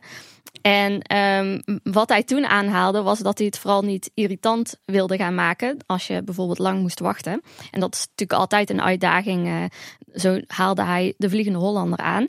Waarin je in elke fase van het wachten en de attractie en achteraf een andere versie van hetzelfde liedje hoort. Die verschillende variaties die zorgen er vervolgens voor dat je en in die sfeer blijft hangen en in die wereld. Maar dat het ook niet irritant zou moeten zijn. Dat is niet verkeerd voor een gebied waar je kinderen waarschijnlijk heel lang gaan verblijven en jij vooral aan het toekijken bent. Ja, precies. Eh, Weet je wat ik nog hoop qua muziek? Nou, Dat er eh, op de een of andere manier een- knipoog of een eh, verwijzing in komt te zitten naar, eh, naar de muziek die Ruud Bos eh, gecomponeerd heeft voor de, de wachtrij van Vogelrok. Want ik heb er laatst nog eens op mijn gemak naar zitten luisteren. Maar wat is dat ook prachtige muziek zeg. En heel erg oosters eh, bij vlagen. Dus eh, ik, mm, ja, ik, ik hoop in ieder geval dat het qua muziek wel die kant uit gaat. Ik dacht dat je Jannie bedoelde toen je dit in je draaiboek had gezet. Ik snap wat je bedoelt, maar dan heb ik toch liever de, de wachtrijmuziek van eh, ja, gelukkig, want ik nam je al bijna niet meer serieus. Deed je dat dan nog na 3,5 jaar eh, podcast maken, Paul? Uiterst serieus, Tim. Oké. Nou, we hebben in het park ook op heel veel plekken de petflesbakken al zien verschijnen. Op het Ruisrijkplein staan die ook, maar die zijn dus eh, niet ingegraven, maar die staan gewoon op balkjes. En dat is handig, want dan kunnen ze straks gewoon even aan de kant zetten als ze daar gaan werken. Ja, de eerste voortekenen van de uitvoering al. Ja, nog wel een heel interessant punt is, is de schrijfwijze van Sindbad. Want het is dus niet Sinbad, zoals ik het al helemaal even uitspreek, maar het is Sindbad in dit geval. De Efteling zegt erover, Sinbad, dus zonder die extra D in het midden, is de meest gebruikte benaming als het over deze vertelling uit Duizend en een Nacht gaat. Maar Sindbad betekent in het Arabisch echter koning van de Sint-rivier. Vanuit Arabisch en historisch perspectief geven wij daarom de voorkeur aan Sindbad. Kijk, dat is natuurlijk een van de dingen die je krijgt als je Richard van Leeuwen inbreng laat geven. Ik denk inderdaad dat ze even snel bij hem navraag hebben gedaan over hoe zat het nou met die, eh, met die naam. Ik moet wel eh, ongeveer 35 jaar aan eh eh, Simbad-uitspraken gaan eh herzien. Simbad de zeeman uit Bagdad. Gaat u weer. Ja, jeugdsentiment. Ik, ik ken hem nog steeds niet. ik ook niet. Dat is Sorry, die, Tim. Dat is die Pfizer, ik begin te eilen. Maar dat deed de vorige nieuwsaflevering ook al. Dus wat dat betreft. Maar ik neem je nog steeds heel serieus. Ja, en dan de hamvraag. Al kunnen we nog niet heel veel zeggen op dit moment natuurlijk. eh, Maar we hebben al concept art gezien. Wat vinden we ervan? Ja, ik vind het echt een fantastisch eh, plan, eerlijk gezegd. Kijk, weet je wat het is? De Efteling die pakt hiervoor eh in weinig tijd en voor best wel weinig geld eh, in één keer een hoop problemen aan. Hè? We, zitten natuurlijk met Monsieur Cannibal, met die, die racistische stereotypering waar we eigenlijk met z'n allen zo snel mogelijk van af willen. Eh, we zitten hier met het, het avonturendolhof, wat natuurlijk een drama is qua onderhoud en wat er echt shabby bij ligt op dit moment. Eh, we zitten hier natuurlijk eh, op dit moment met een, een, een reisrijk wat echt thematisch als los zand aan elkaar hangt. Ehm, we zitten hier met een plein wat verschrikkelijk lelijk is en heel stenig is.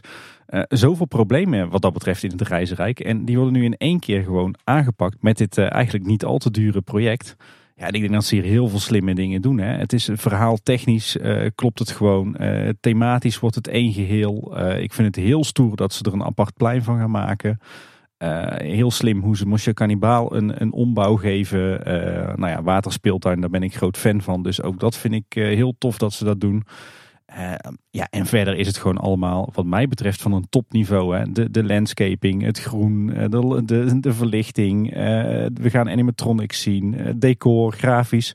Ja, ik, ik kan er wat dat betreft weinig gaten in schieten. Dit is gewoon een, een ontzettend mooi project. Goed uitgewerkt en ik kijk er ontzettend naar uit. Dit is gewoon, gewoon echt heel goed gedaan.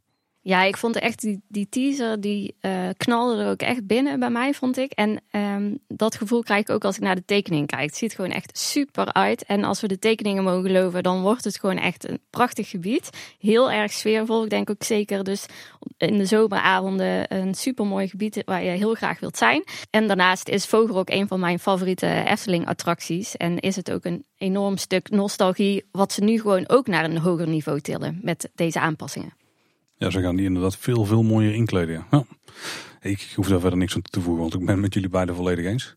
Ik ben er ook helemaal niet rouwig om dat het avonturendolf gaat verdwijnen. Eh, het was echt op zijn retour en Ja, en Dolhof wordt misschien wel in een attractiepark, maar ik denk dat manier waarop dit werd aangepakt en ook de delen van de thematisering die erin te vinden waren, die waren uh, van twijfelachtige uh, vormgeving. Laten we daarop houden. Ik bedoel, dat standbeeld met de skateboard. Ik heb er nooit iets van begrepen van uh, de thematisering van Dolhof. Nee, het is een van de minst Efteling elementen uit het hele park, denk ik. Dus wat dat betreft, good riddance. En ik denk dat we er iets ontzettend moois voor terug gaan krijgen. Wat, wat niet zo'n op zichzelf staand dingetje weer is, weet je wel. Het hele reisrijk was inderdaad allemaal van die losse plukjes van verschillende zaken. En straks krijgen we een één, of in ieder geval meerdere meer bij elkaar horende gehelen. Nou, dit is gewoon een kwaliteit impuls die het park nodig had, zeker in die hoek. Ja, en ik denk dat sowieso die ontwikkeling, hè, dat ze nu echt toe willen naar kleinere themadelen. Uh, die bestaan uit één of meerdere attracties. Uh, met, met horeca, met, met merchandise, met entertainment. Allemaal in één en hetzelfde thema. Helemaal immersive. Ja, dat is gewoon een fantastische ontwikkeling. Weet je, laat die rijken gewoon voor wat het is. En ga inderdaad veel meer kijken naar wat, wat, wat kleinschaligere themadelen. Ja, dat hebben ze al laten zien bij, op plekken als, als Baron, uh, Maxim Moritz, Symbolica. En ja, dit wordt er weer zo eentje. En ik kan alleen maar toejuichen dat, uh, dat we in de toekomst uh, meer van dit soort themadelen gaan zien. Heel tof. Ja, laat ze deze lijn vooral doortrekken in, in de toekomst. Ja, laat ze vooral ook Panorama in de toekomst nog hierbij gaan betrekken. Op wat voor manier dan ook, want ik kan er van alles in lezen. Of ze gaan Panorama gewoon laten, laten bestaan zoals het is en compleet herthematiseren. Het zou ook nog wel eens kunnen dat ze daar hele delen van gaan slopen en dan uh, daar opnieuw uh, tegenaan gaan bouwen. Of misschien zelfs wel een nieuw gebouw gaan neerzetten. Ja, dat is even de vraag. Het hangt denk ik van een paar dingen af. Uh, sowieso het, het, financiële plaatje. Hè. Wat, wat is straks goedkoper? Een, een volledige renovatie. Uh, hou er dan wel rekening mee dat je, dat je als je panorama weer een toekomst wilt geven, dat je dan het gebouw echt tot op casco, dus tot op de kale wanden moet leegslopen. ja, en vervolgens moet je het, het helemaal vanaf, vanaf nul weer opbouwen. Ja, wat kost dat ten opzichte van het, het gebouw volledig plat gooien en iets nieuws neerzetten? Plus, je moet je ook afvragen, hè, het, gebouw komt natuurlijk uit 1953. Wat gebeurt er als je dat helemaal leegsloopt? Blijft het dan überhaupt bestaan? Uh, en als het blijft staan, is het ook nog wel draagkrachtig genoeg om, om je nieuwe restaurant te, te bouwen met allerlei nieuwe toevoegingen en, en technieken. Dus dat is maar net de vraag of dat het gebouw het, het aan kan en, en wat uiteindelijk onderaan de streep sneller en, en goedkoper is. En het zou mij niks verbazen als dan uiteindelijk misschien sloop en nieuwbouw nog wel de meest aantrekkelijke variant is. Ik denk dat het ook best slim is, ook omdat we, als je eigenlijk kijkt naar Panorama nu, qua indeling is het een super onlogisch gebouw. Het past niet echt helemaal meer bij de functionaliteiten die het gebouw nu moet bieden. Uh, ik denk als je op dezelfde footprint een nieuw gebouw zou ontwerpen, dat je dan veel meer uh, zinnig bruikbare oppervlakte voor gasten kunt halen dan hoe het nu is. Want de hele entree, zeg maar, met die grote trap en dan die hele kleine, kleine toiletjes erboven, dat kan eigenlijk al niet meer deze tijd. Dat is echt jaren 50 vibes zit en top, zeg maar. Uh, voor zover ik weet hoe het in de jaren 50 er allemaal bij lag een panorama zelf en dan vooral het bediengedeelte daarvan. Het is eigenlijk net iets te krap, waardoor je daar niet uh, genoeg eters naast elkaar kunt zetten. Zeg maar als het gebouw maar ik denk twee meter ruimer is, dan kun je daar volgens mij een derde meer tafels kwijt. Terwijl het vloeroppervlak dan misschien niet eens zo heel veel groter wordt. Ja. En door, de, door alles opnieuw in te delen, of misschien er zelfs één heel groot restaurant van te maken, want die optie is er is er natuurlijk ook gewoon. Dan denk dat je een veel efficiënter gebouw kunt hebben. Ook omdat ze nu, ze hebben nu eigenlijk twee keukens. Hè. Je hebt de keuken voor het zelfbedieningsdeel en je hebt de keuken voor het uh, à la carte deel. Voeg die samen, dat scheelt ook alweer enorm veel oppervlak. Ik denk dat er heel veel te winnen is in het gebouw. Maar ik denk dat je het alleen maar kunt winnen als je het echt helemaal opnieuw gaat doen. Ja. Hoe uh, jammer het ook is voor een gebouw uit de jaren 50. Ja, kijk, ik ben het mee eens. Aan de ene kant is het, uh, is natuurlijk ongelooflijk zonde van dit, dit prachtige, ja, toch wel karakteristieke gebouw. ik ben er altijd een voorstander van geweest om het te behouden en te, in oude luister te herstellen.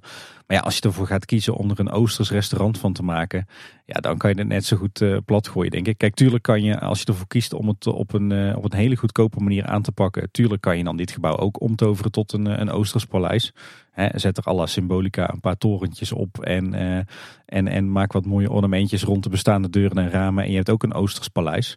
Uh, maar als je het echt goed wil doen en het, het, wordt, het krijgt toch een Oosters thema, ja, dan heeft het ook weinig zin meer om het gebouw te behouden. Want dan ga je daar nooit meer wat van terugzien natuurlijk.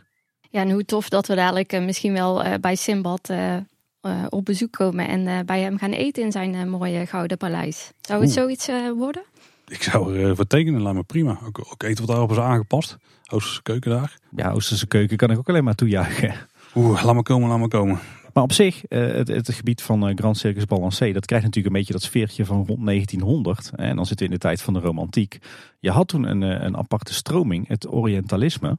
Was, was onderdeel van de romantiek, waarin ja, eigenlijk alles wat Oosters was heel erg werd geromantiseerd. En dat is natuurlijk een heel geschikte stijl om die overgang te maken vanuit de Arabische wereld naar dat wereldje van rond 1900. En in pretparkland kennen we daar ook een voorbeeld van. Want als je bijvoorbeeld naar uh, Tivoli Gardens gaat, wat mij betreft een van de mooiste parken van Europa. Um, als je daar net binnen bent, dan loop je af op uh, Nimp. En dat is uh, een ja, eigenlijk een Oosters paleis, maar dan in dat, uh, dat uh, sfeertje van rond 1900. Dus in dat sfeertje van het Orientalisme. En dat is een prachtig gebouw. En volgens mij kan je zoiets prima uh, ook kwijt in de Efteling. En dan heb je mooi die overgang vanuit de Arabische wereld naar dat wereldje van rond 1900. Nou, dan heb je zelfs gewoon een, een mooie zachte overgang tussen twee themawerelden. Zo, zo, zo. Wat wil je nou nog meer? Nou, een, stukje, een stukje groen ertussen om het een beetje te scheiden, maar ja. Is dat nog niet eens meer nodig, Paul? Maar goed, eh, laten we over fase 2 van de wereld van Simbad eh, op een, op een ander moment gaan praten. Ik ben heel benieuwd wat jullie vonden van de manier waarop dit in de media werd gebracht. Want ik, ik denk dat in dit geval Loopings misschien nog wel een van de meest gebalanceerde artikelen erover had. Ja. Uh, terwijl dit er onbekend kunnen staan om, uh, om het uh, zeer ongenuanceerd te brengen. Nou, valt op de site tegenwoordig wel mee. Maar ik vond dat de meeste media er vooral toch wel één heel bepaalde duidelijke hoek op nahield. Ja, was je daar echt verbaasd over? Nee. maar de, de Efteling had het leuk geprobeerd. Hè? Want er werd natuurlijk in dat hele persbericht, wat er in instantie uitging en in het blogbericht, werd natuurlijk met geen woord gerept over de kannibaal en over uh, racistische stereotypering. Dat hebben ze volledig genegeerd door te focussen op al het moois wat ze hier gaan bouwen. Nou, wel dat ze uh, cultureel daar wat diversiteit in wilden aanbrengen. Ja, maar het woordje racisme wordt natuurlijk nergens gebruikt. Nee, dat snap ik ook wel vanuit de communicatie van het park zelf. Precies, ja. Ja, toen ging het de media in en zowel het Brabants Dagblad als Omroep Brabant, toch twee, uh, twee vormen van media die normaal gesproken redelijk hand in hand gaan met de Efteling. Ja, die focusten echt volledig op, uh, op het verdwijnen van de kannibalen.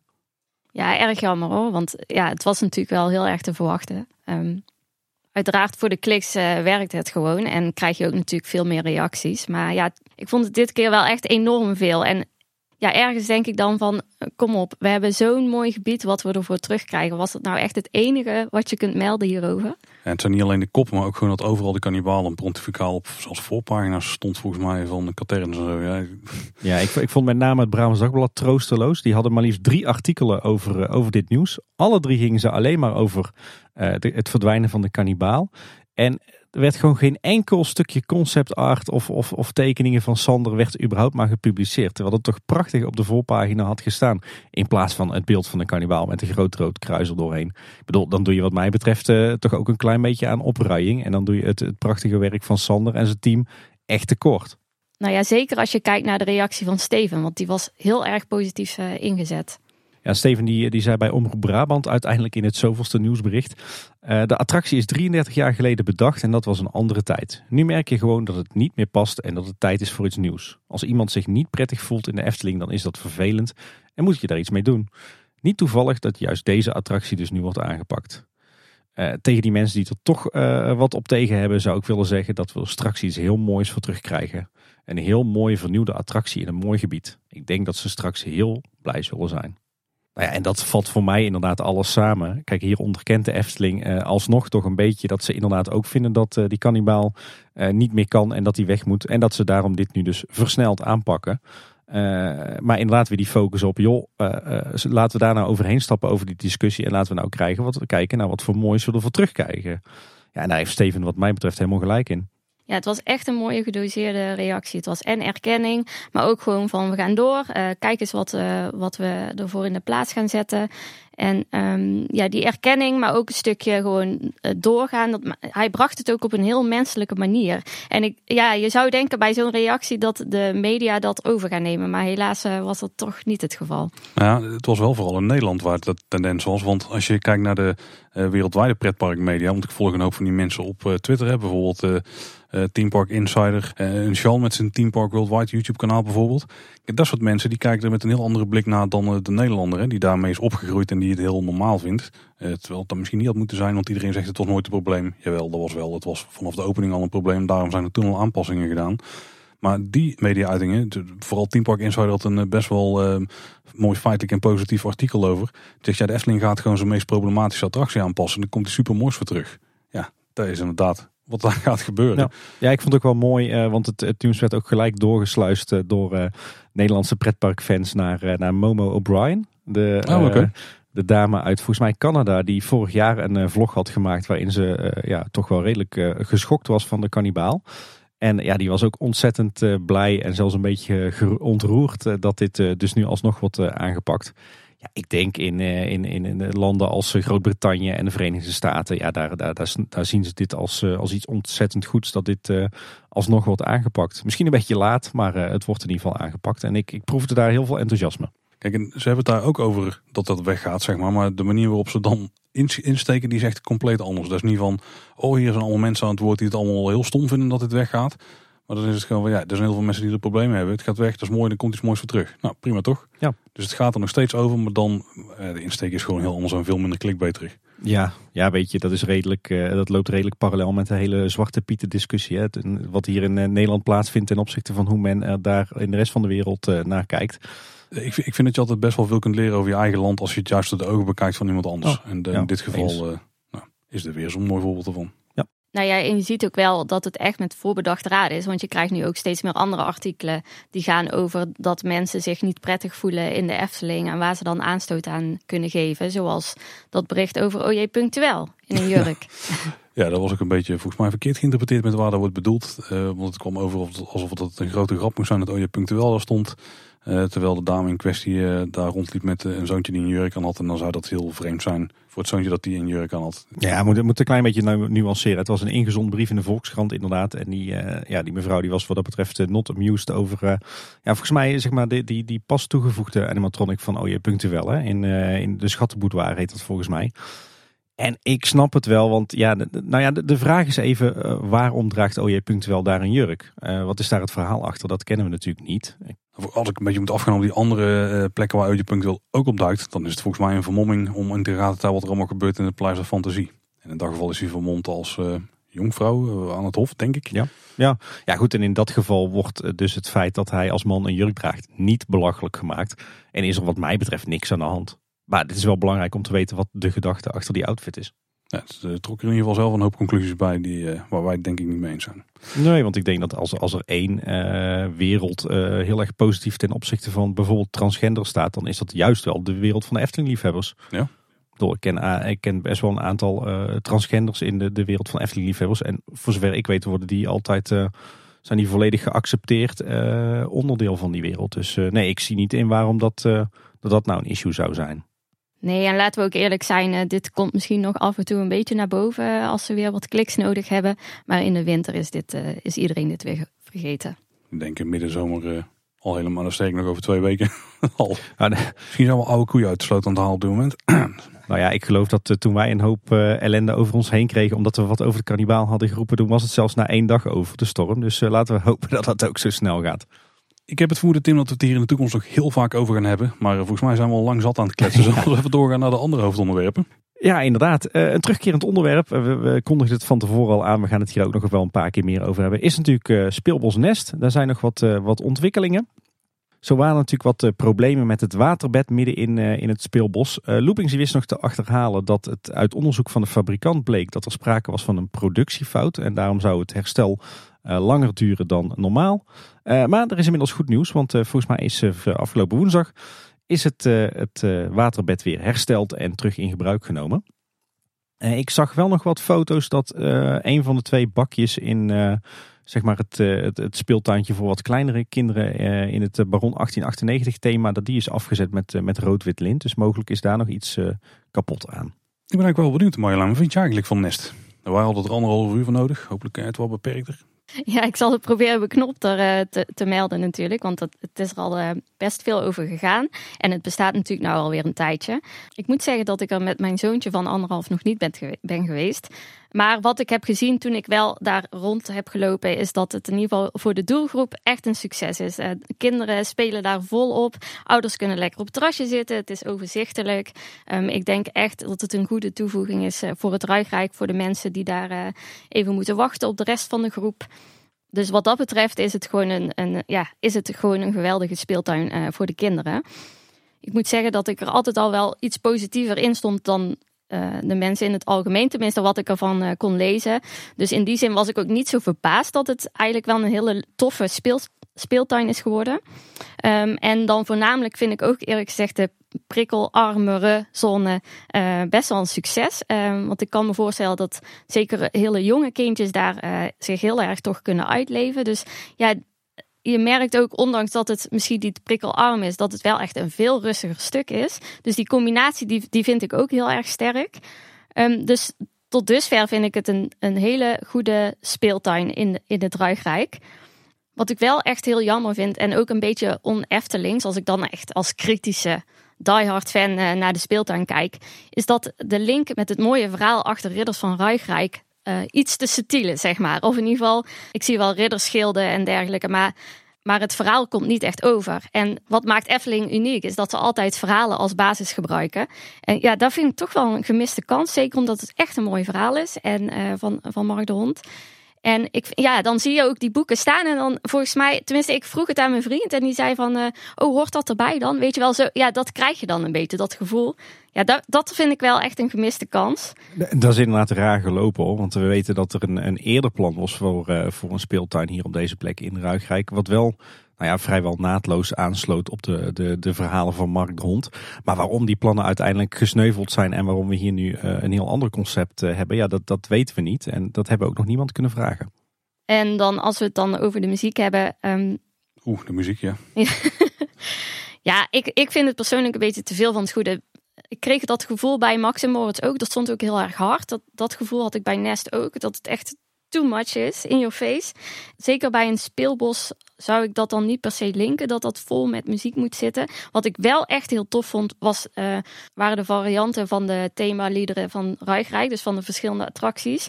En voor mij zou dat ook voldoende zijn geweest. Dus die Jel had bijvoorbeeld voor mij niet eens hoeven, want de Jel aan zich vind ik nog niet eens zo echt heel, hè, dat is gewoon een toffe Jel, tof, toffe kinderjel. Maar gewoon alles bij elkaar, dat, ja, breekt dan elkaar weer af. Dus dat, dat is dan mijn mening daar over die muziek. Maar um, ja, dat het gewoon een toffe speeltuin is, dat uh, staat buiten kijf. Ja.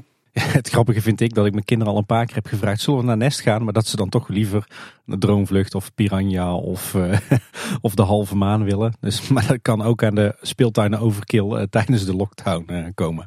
Je hebt ze goed opgeleid, Tim. ja. Als je nou trouwens Nest van een andere hoek wil zien, er is een video online gezet met best wel coole droombeelden onder andere erin. van Nest dus. Wel met het vriendenlied, misschien moet je even muten. Maar verder is die heel goed te kijken, de video. Ja, video van de Efteling zelf hè? Nou, FTpedia is ook flink uitgebreid. Die hebben een hoop informatie toegevoegd over Nest. Dus check het zeker via het linkje in de show notes. Of, ga, of zoek even gewoon op FTpedia naar Nest. Dan krijg je het allemaal te zien. En dan naar de Max en Moritzplein, want daar is Bakkerij Krumel aan het verrijzen. Nou, Bekkerij Krumel, hè Paul? Bekkerij Krumel, excuses Tim. Nou, aan het verrijzen zeg ik, die, die staat er eigenlijk gewoon al. ja, inderdaad. Het, het gebouw is zo goed als af aan de buitenzijde. Ja, ze hebben echt, echt heel veel werk verzet. En we zeggen al, dit project gaat enorm hard. Ik denk dat het feit dat het park even dicht was, dat het een flinke kickstart heeft gegeven aan dit project. Als we kijken wat op dit moment allemaal is gebeurd. Ja, nou, de stijgers zijn inderdaad dus voor een deel al afgebroken. Eh, waardoor dus een, een, deel van het gebouw al uh, onthuld hebben gezien. Ja, Paul, je hebt het al eerder gezegd, maar wat een immens gebouw. Zeker nou die stijgers weg zijn, valt het echt heel erg op. Ik moest wel lachen. De, de, de achtergevel die kwam van de week uit de stijgers en, uh, en die is vrij kaal. En uh, iemand op Twitter die vergeleek het, uh, het gebouw aan de achterzijde met de bunker van Hitler. En die zette daar een foto naast. het had inderdaad wel wat van elkaar weg. dus sindsdien, ja, ik weet niet hoe je dat in het Nederlands zegt, maar I can't unsee it, zeg maar.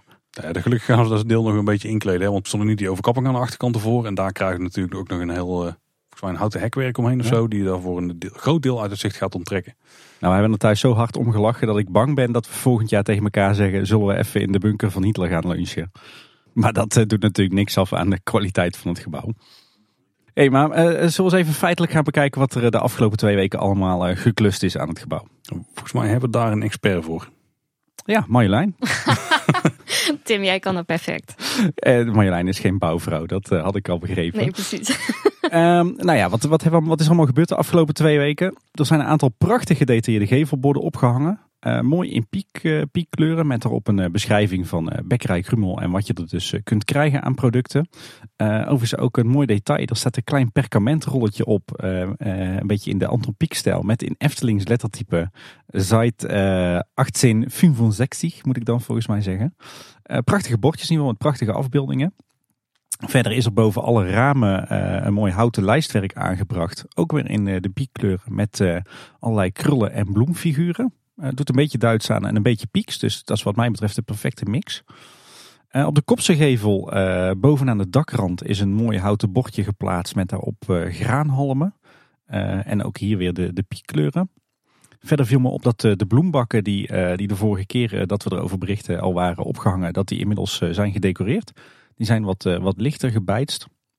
Het stukwerk van de oven en de bijbehorende schoorsteen.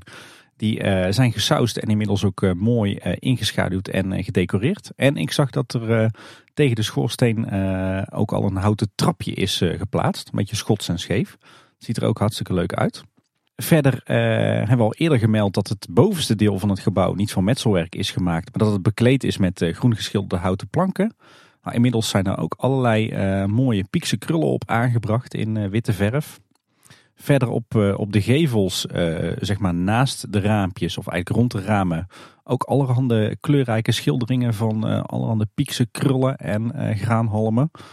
Het ziet er bijzonder fraai uit, maar misschien wel net iets te veel van het goede. Want het zijn nu wel heel veel krullen bij elkaar, maar goed. Ja, vind je? Ik vind het eigenlijk wel iets hebben. Ja, het is prachtig, maar het neigt bij mij wel richting een klein beetje overdaad misschien.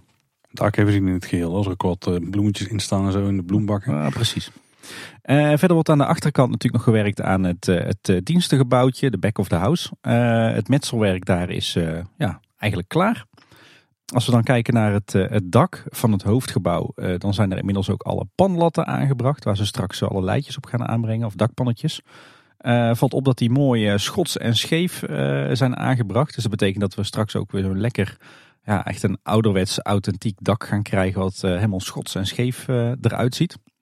Uh, de dakranden van het hoofdgebouw die zijn inmiddels ook opgefleurd met allerlei schilderingen van piekse krullen in witte verf. Verder wordt ook gewerkt aan het, het bijgebouwtje waar je straks kunt gaan zitten tegen het hoofdgebouw aan. die is aan de buitenkant bekleed met, met houten planken, gepotdekseld. en daar is ook al gewerkt aan het dakbeschot, de isolatie en, en de panlatten. Overigens is inmiddels ook de dakrand aangebracht van, van die aanbouw. En ook daar zijn ondertussen allerhande krul- en bloemfiguren op aangebracht door decoratieschilders van de Efteling. Binnen wordt trouwens ondertussen hard gewerkt onder meer aan, aan de timmerwerk. er worden allerlei koven gemaakt waar de installaties achter zitten. En ik zag ook al heel wat buizen van de afzuiginstallatie die natuurlijk nodig is vanwege de ovens en dergelijke. Wat verder nog opviel toen de stijgers werden verwijderd is dat het metselwerk van het hoofdgebouw ook uh, lichtjes is ingeschaduwd. Um, vrij donker eigenlijk. En uh, verder zagen we trouwens aan de achterzijde nog, uh, waar, waar dus ook dat, dat dienstengebouwtje is, is gebouwd, dat ze daar bezig zijn met het plaatsen van een overkapping. ik kan me voorstellen voor een soort van emballage. Daar hebben ze in tegenstelling tot de rest van het gebouw wel een staalconstructie voor neergezet. En die wordt momenteel ook bekleed met hout. Verder viel me nog op dat ze op het, het hoge dak van het hoofdgebouw een eh, hele mooie piron hebben geplaatst. Uh, met daarin uh, verwerkt een, ja, wat is het, een pretzel of een krakeling. Zo'n mooie, mooie piek met een bolletje. En van de week waren ze ook nog druk aan de slag met het, het zinkwerk. Dus de zinken hemelwater afvoeren zijn tegen het gebouw aangeschroefd. de dakranden zijn allemaal mooi afgewerkt met een zinkenkraal. En ook de bloembakken die worden bekleed met zink. Dat is allemaal heel erg authentiek en, en onderhoudsvriendelijk. En ik zag ook nog dat er een hele stapel houten balken is uh, geleverd. Die ligt achter het gebouw. En volgens mij gaan ze die gebruiken om. ja, die, die, die worden straks op het dak gelegd. Hè? dat is een beetje een referentie naar, naar gebouwen in, gebouwtjes in bergenachtige gebieden waar het veel sneeuwt. Want die balken die, die houden de sneeuw vast op het, op het dak, zodat het niet ineens naar beneden kan sodemieteren. dus ja, heel wat ontwikkelingen daar. Heb je het mooi samengevat, Tim? Is het een samenvatting? Een bouwsamenvatting, ja, zeker. Ja. Maar het gaat dus wel sneller dan verwacht, zoals jullie ook al uh, aanhaalden hiervoor. Ja. ja, het zou mij niks verbazen als we hier uh, ergens richting het einde van september al uh, broodjes kunnen halen. Oeh, dat zou ik niet verkeerd vinden. Mocht je dat trouwens allemaal willen zien, Eftelingse Straat die heeft mooie fotoseries online gezet. En Esther Wesley die plaatst weer regelmatig bouwupdates op uh, YouTube. Lekker ouderwets. Dus uh, ga die zeker checken. En dan uh, kun je ook wel mooi bij wat er gebeurt. Overigens ook Jeroen 2 heeft een aardige video online gezet hierover. Ja, die zullen we linken in de show notes. En die, die vind je natuurlijk op onze website kleineboodschap.com. Nou, als verwend wintersporter word ik dus helemaal gelukkig van dit plein nu. Hè? ik had dit ook al wel bij het Steenbokplein. Dus toen ze dat gingen veranderen, dacht ik wel even van... Oh nee, wat gaan jullie doen? En Jurgen Freilich gaat weg. En, uh, maar als ik nu het re uh, resultaat begin te zien... juist ook doordat het een beetje too much is gedaan... Uh, dit gebouw trekt eigenlijk al alle aandacht. En ik denk dat het alleen maar positief is. Zet Jurgen Freilich er maar even neer... en dan hebben we weer echt een superleuke winter Efteling. Ja, er blijft van een klein veldje over waar hij volgens mij zou kunnen gaan staan met het podiumpje. Die moet gewoon terugkomen, toch? Ja, het is even de vraag natuurlijk wat voor zomeravonden we gaan krijgen vanaf 2022. Uh, of er nog iets zoiets is als een negenpleinen festijn. Maar ik ben er zeker voor, voor gethematiseerd uh, entertainment. Zou je zeker prima kunnen. En dan hoeft het niet per se de, hoe heet het ook alweer, de Max en, Music, Max en Moritz Musiker. Te, horen. Ja. ja. Nou, wat ik zo knap vind aan dit, aan dit gebouw en de, en de ontwerpstijl is dat het, dat het echt een mooie mix is van uh, en een beetje dat Zuid-Duitse Oostenrijkse en een beetje die, die, die stijl van Max en Moritz, maar ook echt dat, dat authentiek Eftelingse. Dat, daar is het echt een hele mooie afgewogen mix van. En dat is echt ontzettend knap hoe Jeroen Vrij dat voor elkaar heeft gekregen. Zeker. En het wordt natuurlijk prachtig uitgevoerd door uh, onze Henkes, hè? Die heeft hetzelfde pan mee op het dak te sjouwen. Ja. En de, de, de isolatieplaten erop te leggen. Op het thee. Doet hij even. Doet hij gewoon nog. Ja, dan is het tijd om weer te gaan kijken wat er allemaal is gebeurd rondom de coronacrisis en de invloed die dat heeft op de Efteling. Ja, dit wordt steeds optimistischer, dit, uh, dit blokje hoor. Er is weer een grote wijziging inderdaad geweest. Want 26 juni was toch wel een, een bijna monumentaal moment, denk ik. Ja. Uh, want vanaf dat moment zijn mondkapjes niet meer verplicht op doorstroomlocaties. Ja, eigenlijk vrijwel nergens. Hè. Alleen nog op die plekken waar echt geen anderhalve meter afstand gehouden kan worden. Want die regel blijft dus wel nog gewoon. Uh, maar je moet hem dus alleen nu nog op in het uh, openbaar vervoer, in vliegtuigen en op vliegvelden en in het voortgezet onderwijs. Maar verder eigenlijk nergens meer. Het mag wel, maar het hoeft niet meer. Ja, ik kan hier wel weer aan wennen. Of sterker nog, ik moet zeggen dat ik er sneller aan gewend ben dan dat ik dacht. Ja, nou, ik vond het eerste paar keer wel een beetje apart. Ja. En ik heb veel de, de vergelijking gezien met naaktlopen. Nou, dat, zo erg was dan ook weer niet. Maar wel, ik dacht van, ik ben echt iets aan het doen wat, wat niet goed is. Ja, maar, inderdaad. Ja, maar ja ik, ik vind het af en toe nog lastig hoor. Dus vandaag liep ik dan in een, in een supermarkt en dan denk ik wel, hmm, hmm, kan dit wel zo zonder mondkapje? Maar dat is denk ik ook gewoon een kwestie van gewenning weer. Overigens is wel grappig, er stonden heel kort uh, twee mondkapjesautomaten in het Huis van de Vijf Zintuigen. Die hebben volgens mij twee dagen gewerkt. Daarna zijn, waren ze defect of uitgeschakeld. En inmiddels zijn ze zelfs helemaal weg. Want ja, je hoeft uh, eigenlijk geen mondkapje meer op. Ja, qua timing hadden ze misschien een jaar eerder uh, kunnen geplaatst ja. worden. Maar het was een mooi initiatief, maar helaas. Ja, er waren ook een paar medewerkers die heel blij waren dat de mondkapjes af mochten. ja. Dat hebben ze niet zo heel tactisch geuit. Uh, er was een video uh, online gekomen waarin, uh, ze de mondkapjes ritueel gingen verbranden. Dat is natuurlijk iets wat iedereen als uitdrukking vaak gebruikt. Maar het feit dat je dat dan in je personeelskleding online zet, was misschien niet zo heel tactisch. Ja, dit, was, ja, dit was op zijn zachtst gezegd niet heel handig, nee. Als we even naar het park zelf kijken. Het is op dit moment, dat valt ons allemaal volgens mij op, vrij druk in het park. Dus dat is, dat is heel goed voor de financiën van de Efteling natuurlijk. Zeker. Nou ja, laat het vrij maar weg. Het is echt enorm druk in het park. Sowieso in de weekenden. Het is echt voor mijn gevoel weer ouderwets over de koppen lopen. Maar eh, van de week op woensdagochtend was ik er. Nou, de regen kwam weer eens met bakken uit de lucht. En het was nog steeds echt hartstikke druk. Dus Efteling draait echt, eh, echt als een malle momenteel. En ik heb mijn papa middagen dus op maandagmiddag. Maar dat heb ik vrij slecht gepland. Want de maandagen lijken juist met name heel erg vol te zijn door de week. Los minus voor dinsdag is meestal geen probleem niet te krijgen. Maar op maandag uh, is vrijwel niet te doen.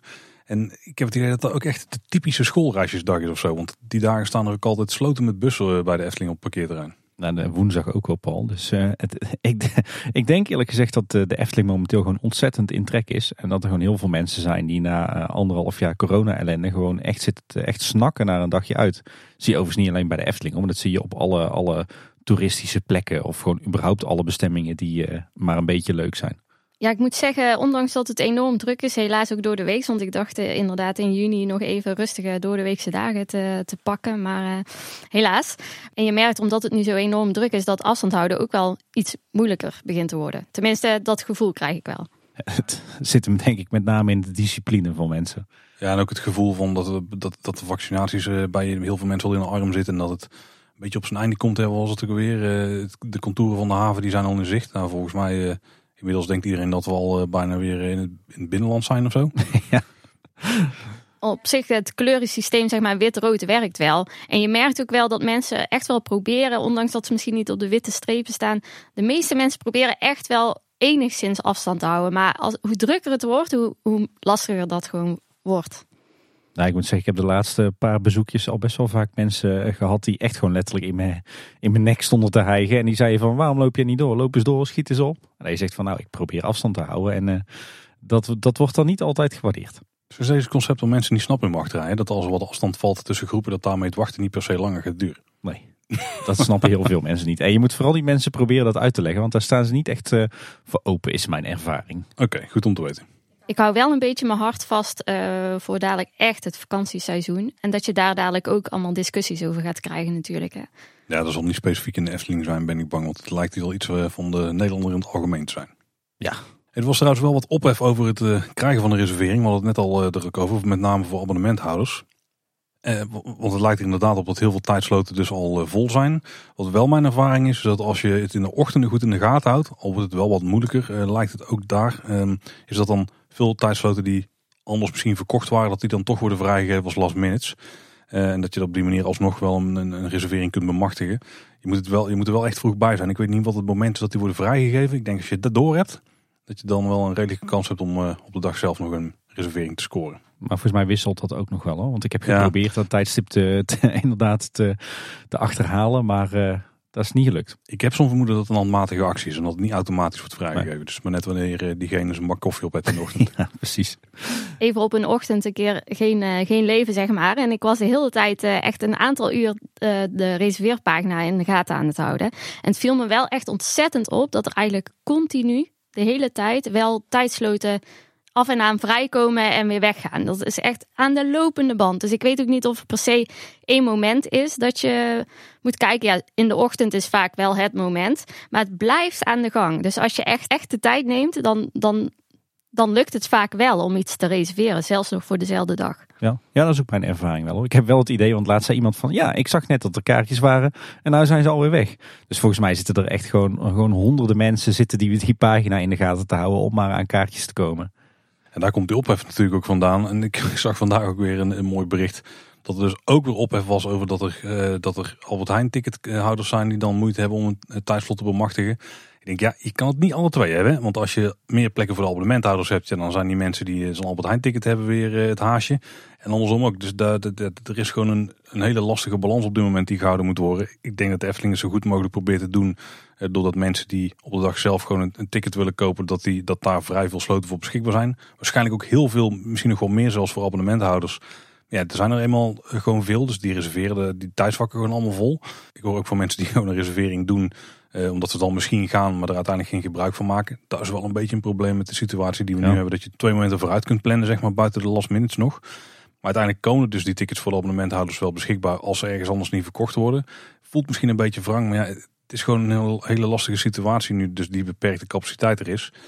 Ja, het is gewoon een periode waar even erheen moet. In de zomer zal het gewoon lastig zijn, maar als straks uh, hopelijk uh, er nog meer regels van af kunnen, ja, dan hoop ik dat dit ook weer gewoon over is. Ja, ja, er gaan nu verhalen dat 1 september misschien die anderhalve meter uh, eraf gaat. Ja, op dat moment kan je volgens mij de Efteling weer uh, zonder beperking draaien. Ik moet zeggen, ik, ik, ik snap aan de ene kant die frustratie wel bij mensen. Ik vind het zelf af en toe ook godschuwelijk irritant dat ik niet op, op ieder gewenst moment naar de Efteling kan. Ja, aan de andere kant moet ook gewoon geld worden verdiend bij de Efteling. Hè. Dus ik snap ook wel dat ze, dat ze een gezonde balans willen tussen betalende gasten, uh, gasten die, uh, die kaartjes met korting hebben en abonnementhouders. En mijn ervaring is nu dat het me, uh, als ik kijk naar de, de, zeg maar de reserveringen op de lange termijn, dat het goed te doen is om eens in de twee weken op een weekenddag te gaan. En zodra je dan in de Efteling bent, weer te reserveren voor een weekenddag vier weken later. En de rest gewoon met last minute reserveringen. Maar ja, het is wel uh, af en toe topsport. Want uh, ik heb al heel wat, wat ochtendjes versleten aan, aan die reserveringspagina. Maar goed, aan de andere kant keerzijde is wel dat het me 9 van de 10 keer ook wel weer is gelukt om dan vervolgens last minute tickets te scoren. Maar het is een enorme puzzel. En ik kan me heel goed voorstellen dat, dat lang niet iedereen daar blij van wordt. Wat me trouwens ook wel opvalt is dat volgens mij het aantal abonnementhouders bij de Efteling weer flink aan het stijgen is. Want er staan lange rijen bij de gastenservice. Ik uh, hoor ook heel wat luisteraars van ons die ineens een abonnement aanschaffen. Ook mensen in mijn omgeving. Dus uh, daar komen ook alleen maar weer abonnementhouders bij. Ja, en dat maakt het natuurlijk ook niet makkelijker om te reserveren. En wat ik dus ook hoorde, was eigenlijk wel een, een goed punt waar ik zelf geen rekening mee had gehouden. Is dat heel veel mensen die hebben hun abonnement laten aflopen. Die hebben dan nog wel vriendentickets opgekocht. En die vriendentickets die zijn maar geldig tot en met 8 juli. Dus het kan ook zijn dat er heel veel mensen die tickets nu aan het opmaken zijn omdat ze anders weg kunnen gooien. En dat daardoor ook dus dat er extra druk op die reserveringen zit. Maar dan moet je volgens mij niet reserveren als abonnementhouder, maar juist als, uh, als, uh, alsof je al een ticket hebt. Nee, precies, maar daardoor komen dus minder last minutes vrij. Want uiteindelijk bepaalt het aantal verkochte tickets op een dag. Als dat er niet zoveel zijn, dan komen er meer last minute tickets vrij. Ja. Ja, dit is ongelooflijk uh, irritant af en toe. Dat uh, ben ik wel eens met de meeste mensen. Maar ja, aan de andere kant is een tijdelijke situatie waar de Efteling ook niet voor gekozen heeft. Dus laten we hopen dat we snel van die verplichte reserveringen af zijn. En ik denk dat ze bij de Efteling daar net zo over denken. En de vorige keer hadden we al aan dat er flink wat personeelstekort lijkt te zijn, met name in de horeca. daar lijkt de Efteling ja, misschien een soort van mini-oplossing voor gevonden te hebben. Ja, want het kantoorpersoneel van de Efteling die mag zich vrijwillig opgeven om diensten in het park te komen draaien om uh, die gaten in de planning op te vullen. Uh, maar goed, ik heb al meerdere mensen letterlijk horen zeggen dat het personeelstekort echt dramatisch is. En dat men vreest voor de, voor de zomer. Dus, uh, ja, zo vlak voor de zomer is wel echt een slechte timing. ja, dus het, het zal een druppel op de, op de gloeiende plaats zijn. Aan de andere kant, ik geloof dat in heel veel sectoren er momenteel een enorm personeelstekort is. Zeker in de horeca. Dus de Eftelings is daar niet alleen in. Maar ik denk dat ze nog wel een uitdaging hebben om alle shifts in de zomer te vullen. Verder verscheen er nog een blog over de speciale avondtickets, waarmee je het park van 6 tot 10 uur s avonds uh, kunt bezoeken. En die hebben nu ook een naam, Ticket Maan. Goeie naam, ja. Ze kosten 25 euro. En in het blog stond ook dat je zelfs iets langer kunt blijven dan 10 uur. Want om kwart over 10 kun je Aquanura nog bekijken. Maar wat me vooral opviel is dat ze daar echt ontzettend veel reclame voor maken voor deze avondtickets. Het is ook best wel een slimme manier om uh, toch wel extra geld in het lijstje te krijgen. Want je hebt natuurlijk in de loop van de dag mensen die naar huis gaan. Waardoor er wat capaciteit in de avond vrijkomt. En die kun je niet zo specifiek vullen. Niet alleen met abonnementhouders. En die 25 euro lijkt ja, misschien een beetje veel voor de, de vier, 4,5 uur die dan in het park kunt zijn. Maar als ik een beetje afga, zeker op die eerste avonden, avondopenstellingen van het jaar altijd, die zijn vrij rustig. Dan kun je echt enorm veel doen in die vier uur. Dan kun je echt gewoon wel uh, bijna alle highlights van het park meepikken, zeg maar. Sowieso een goed plan, goede naam ook erbij. Maar ik vind het wel een veel betere manier om dit op deze manier aan te pakken dan hoe ze het vorig jaar hebben gedaan met die uh, vreemde tweesplitsing in, in, in dagbezoekers en avondbezoekers, zeg maar. Want dit komt er gewoon bij op de mensen die toch al in het park zijn. Ja, ja laten we hopen dat dit uh, goed gaat lopen. Ik viel me trouwens op dat ze ook uh, nu een banner hebben geplaatst op de, de reserveerpagina waarmee ze dit promoten. Er is ook weer wat NOW-nieuws. Dat is de, de staatssteun hè, die de Efteling kan krijgen om hun medewerkers loon te kunnen betalen. Noodbaatregel overbrugging werkgelegenheid. NOW praat wel net iets makkelijker. Ja. Efteling was weer uh, groot ontvanger van uh, deze steunmaatregel. In 2021, in het eerste kwartaal ervan, hebben ze 10,7 miljoen ontvangen. Dat is uh, zelfs meer dan dat ze de eerste periode hadden ontvangen, volgens mij tijdens de eerste sluiting. Het is fijn voor de Efteling dat zo'n regeling er is, want ze hebben natuurlijk in het eerste kwartaal ook vrijwel geen inkomsten gehad. Behalve van al die pins die Tim heeft gekocht via uh, Bakhuis. en het kerstdiner. Oh nee, dat zat dan vlak Dat zat dan nog voor. Ja. ja. dus voor de Efteling en, en ook voor andere bedrijven in dezelfde situatie, daar heb je hier heel veel aan. Ja, ik schrijf hem op al voor onze aflevering over de financiën. En dan nog een paar eh, kleine aanpassingen in relatie tot, uh, tot corona. Uh, wat mij opviel is dat bij Baron 1898 in de wachtrij nu een heel mooi gethematiseerd bord hangt. waarop uitgelegd wordt dat je nu tijdelijk niet kan kiezen op welke rij je komt te zitten. maar er staat ook een, hele duidelijke uitleg op dat je zelf de beugel naar beneden moet doen in het station. En de riem moet sluiten. Uh, dat uh, scheelt, want dan hoeven de medewerkers uh, dat niet bij jou te doen. En als je het in de wachtrij alvast leert, dan scheelt dat ook weer tijd op het station. En dat hebben ze ook nog eens herhaald op verschillende plekken in de wachtrij op gesielde A4'tjes. Um, verder viel op dat de virtuele droomvlucht eindelijk weer open is. die is volgens mij al dicht sinds maart 2020. Dus dat was voor het eerst in, in hele lange tijd. Uh, bij de smulpaap kan je nu ook weer uh, je frietje en je kroketje opeten in de olijke tweeling, de overdekte zitgelegenheid. En wat me ook nog opviel is dat ze in de gangen van het carouselpaleis, zeg maar uh, achter de stoomcarousel langs, dat ze daar flink wat tafels en stoelen hebben neergezet, waar je natuurlijk ook nog kan gaan zitten en wat kan gaan eten. wat dat trouwens ook nog opviel is dat de vitrines die daar sinds jaar en dag volgepropt liggen met allerlei oude merchandise, dat die ineens leeggehaald zijn. Dus ik ben heel benieuwd wat, wat we daarin gaan zien. Je zit trouwens, Paul, dat daar heel lang geleden, uh, dan spreek ik over begin jaren negentig, dat daar geen souvenirs in lagen, maar dat daar uh, allerlei post in lag die de Efteling had gekregen van Efteling-liefhebbers. Allemaal tekeningen en ontwerpen en knutsels en maquettes van, uh, van Efteling-liefhebbers werden daarin tentoongesteld. Ik heb er geen actieve herinnering aan, maar ik kan me voorstellen dat het best een toffe vitrine dan was. Misschien uh, moeten ze daar dan maar weer zoiets mee doen. Of het zou natuurlijk ook een mooie uh, tentoonstellingsruimte zijn voor iets wat met 70 jaar Efteling te maken heeft. Oh ja, zeker. Ja. En eh, oh ja, de speelwereld bij eh, Fabula is weer open. Dus je kan daar ook weer gebruik maken van eh, de binnenspeeltuin. Jee.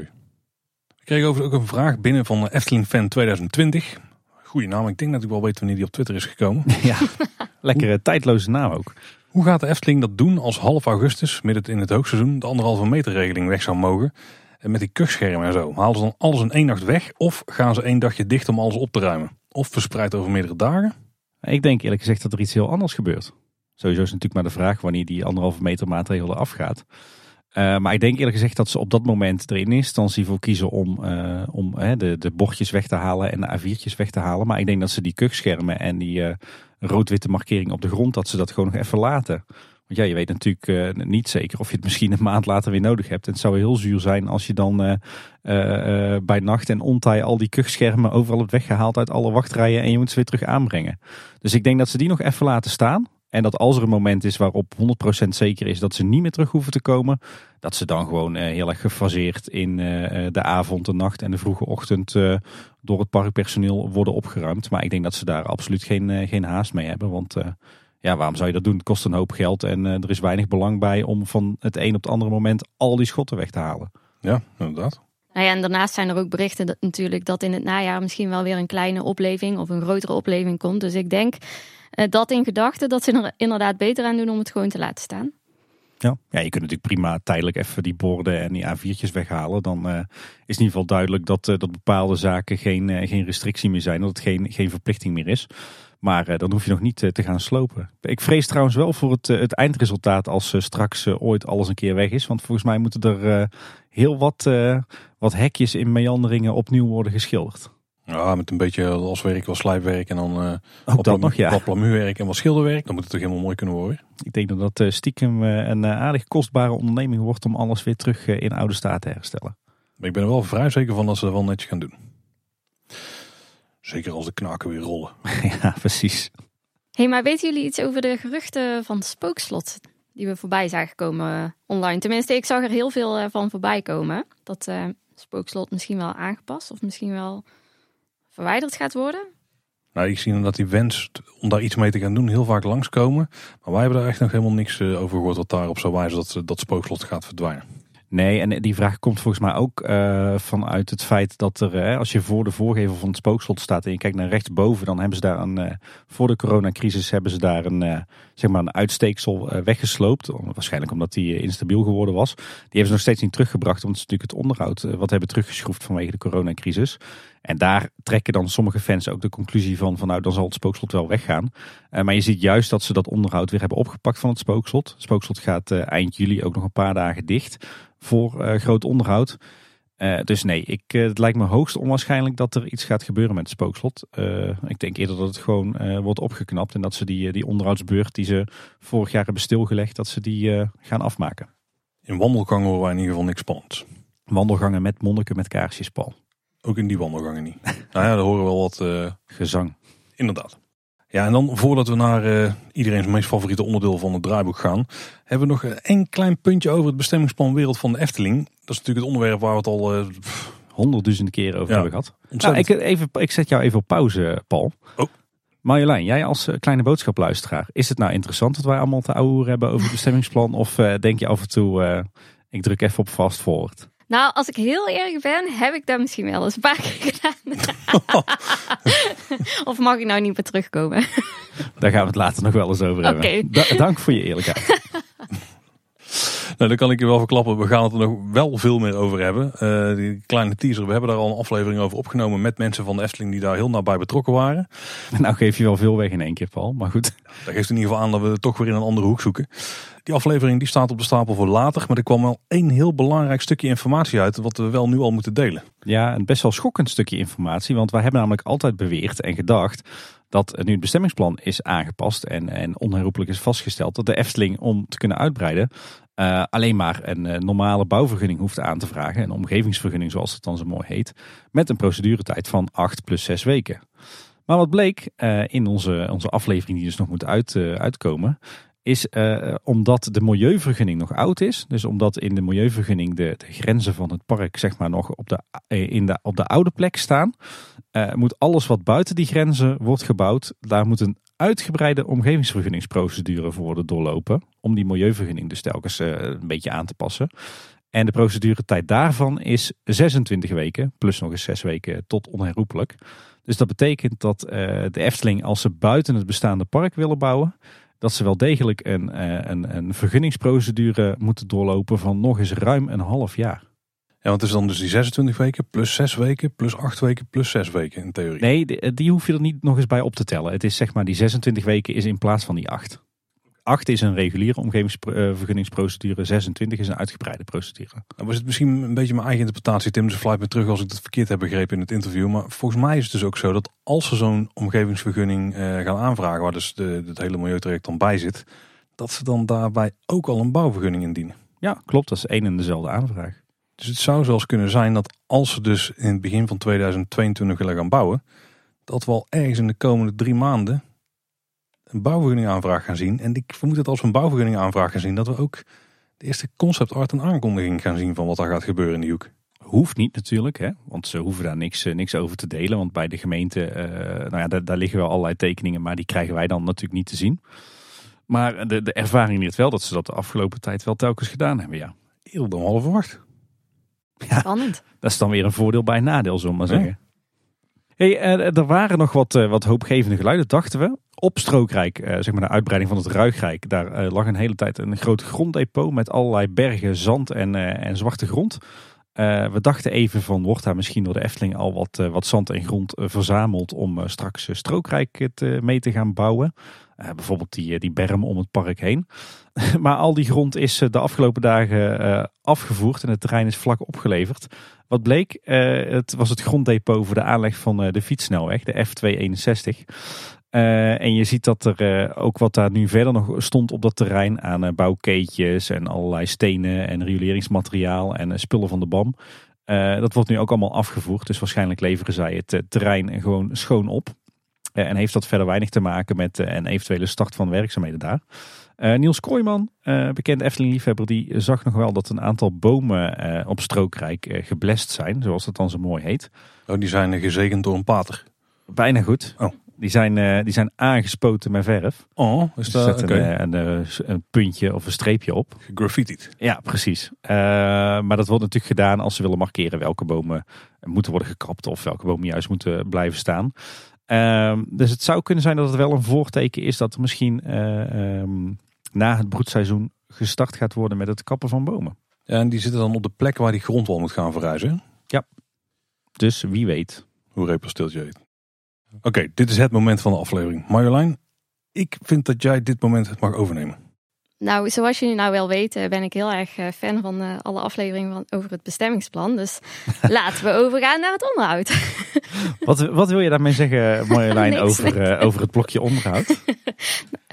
Schrobbeleg? ja, dat, dat, weten de luisteraars niet. Maar normaal gesproken, als wij op afstand opnemen en ik begin aan het onderhoudsblokje, dan zie ik Paul uh, achteruit schuiven uh, op het schermpje. En dan leunt hij achterover en dan uh, slaat hij even een glas schrobbelaar naar achterover. Ja, keer. Achterover. maar goed, onderhoud. Ja, nou, neem even lekker een break, dames en heren. Ik zal even de stand van zaken van het onderhoud doorlopen. Hey, een aantal dingen die me opvallen. Ehm het zomerseizoen komt er natuurlijk aan. De openstelling tot, uh, tot 10 uur s avonds. En uh, het viel mij op dat er de afgelopen dagen hard wordt gewerkt aan, uh, aan het controleren en het onderhouden van alle decorverlichting. Dus de gekleurde verlichting in het park. Dus de voorbereidingen op de avondopenstellingen die, die zijn weer begonnen. Dan wat onderhoudsnieuws over het groen.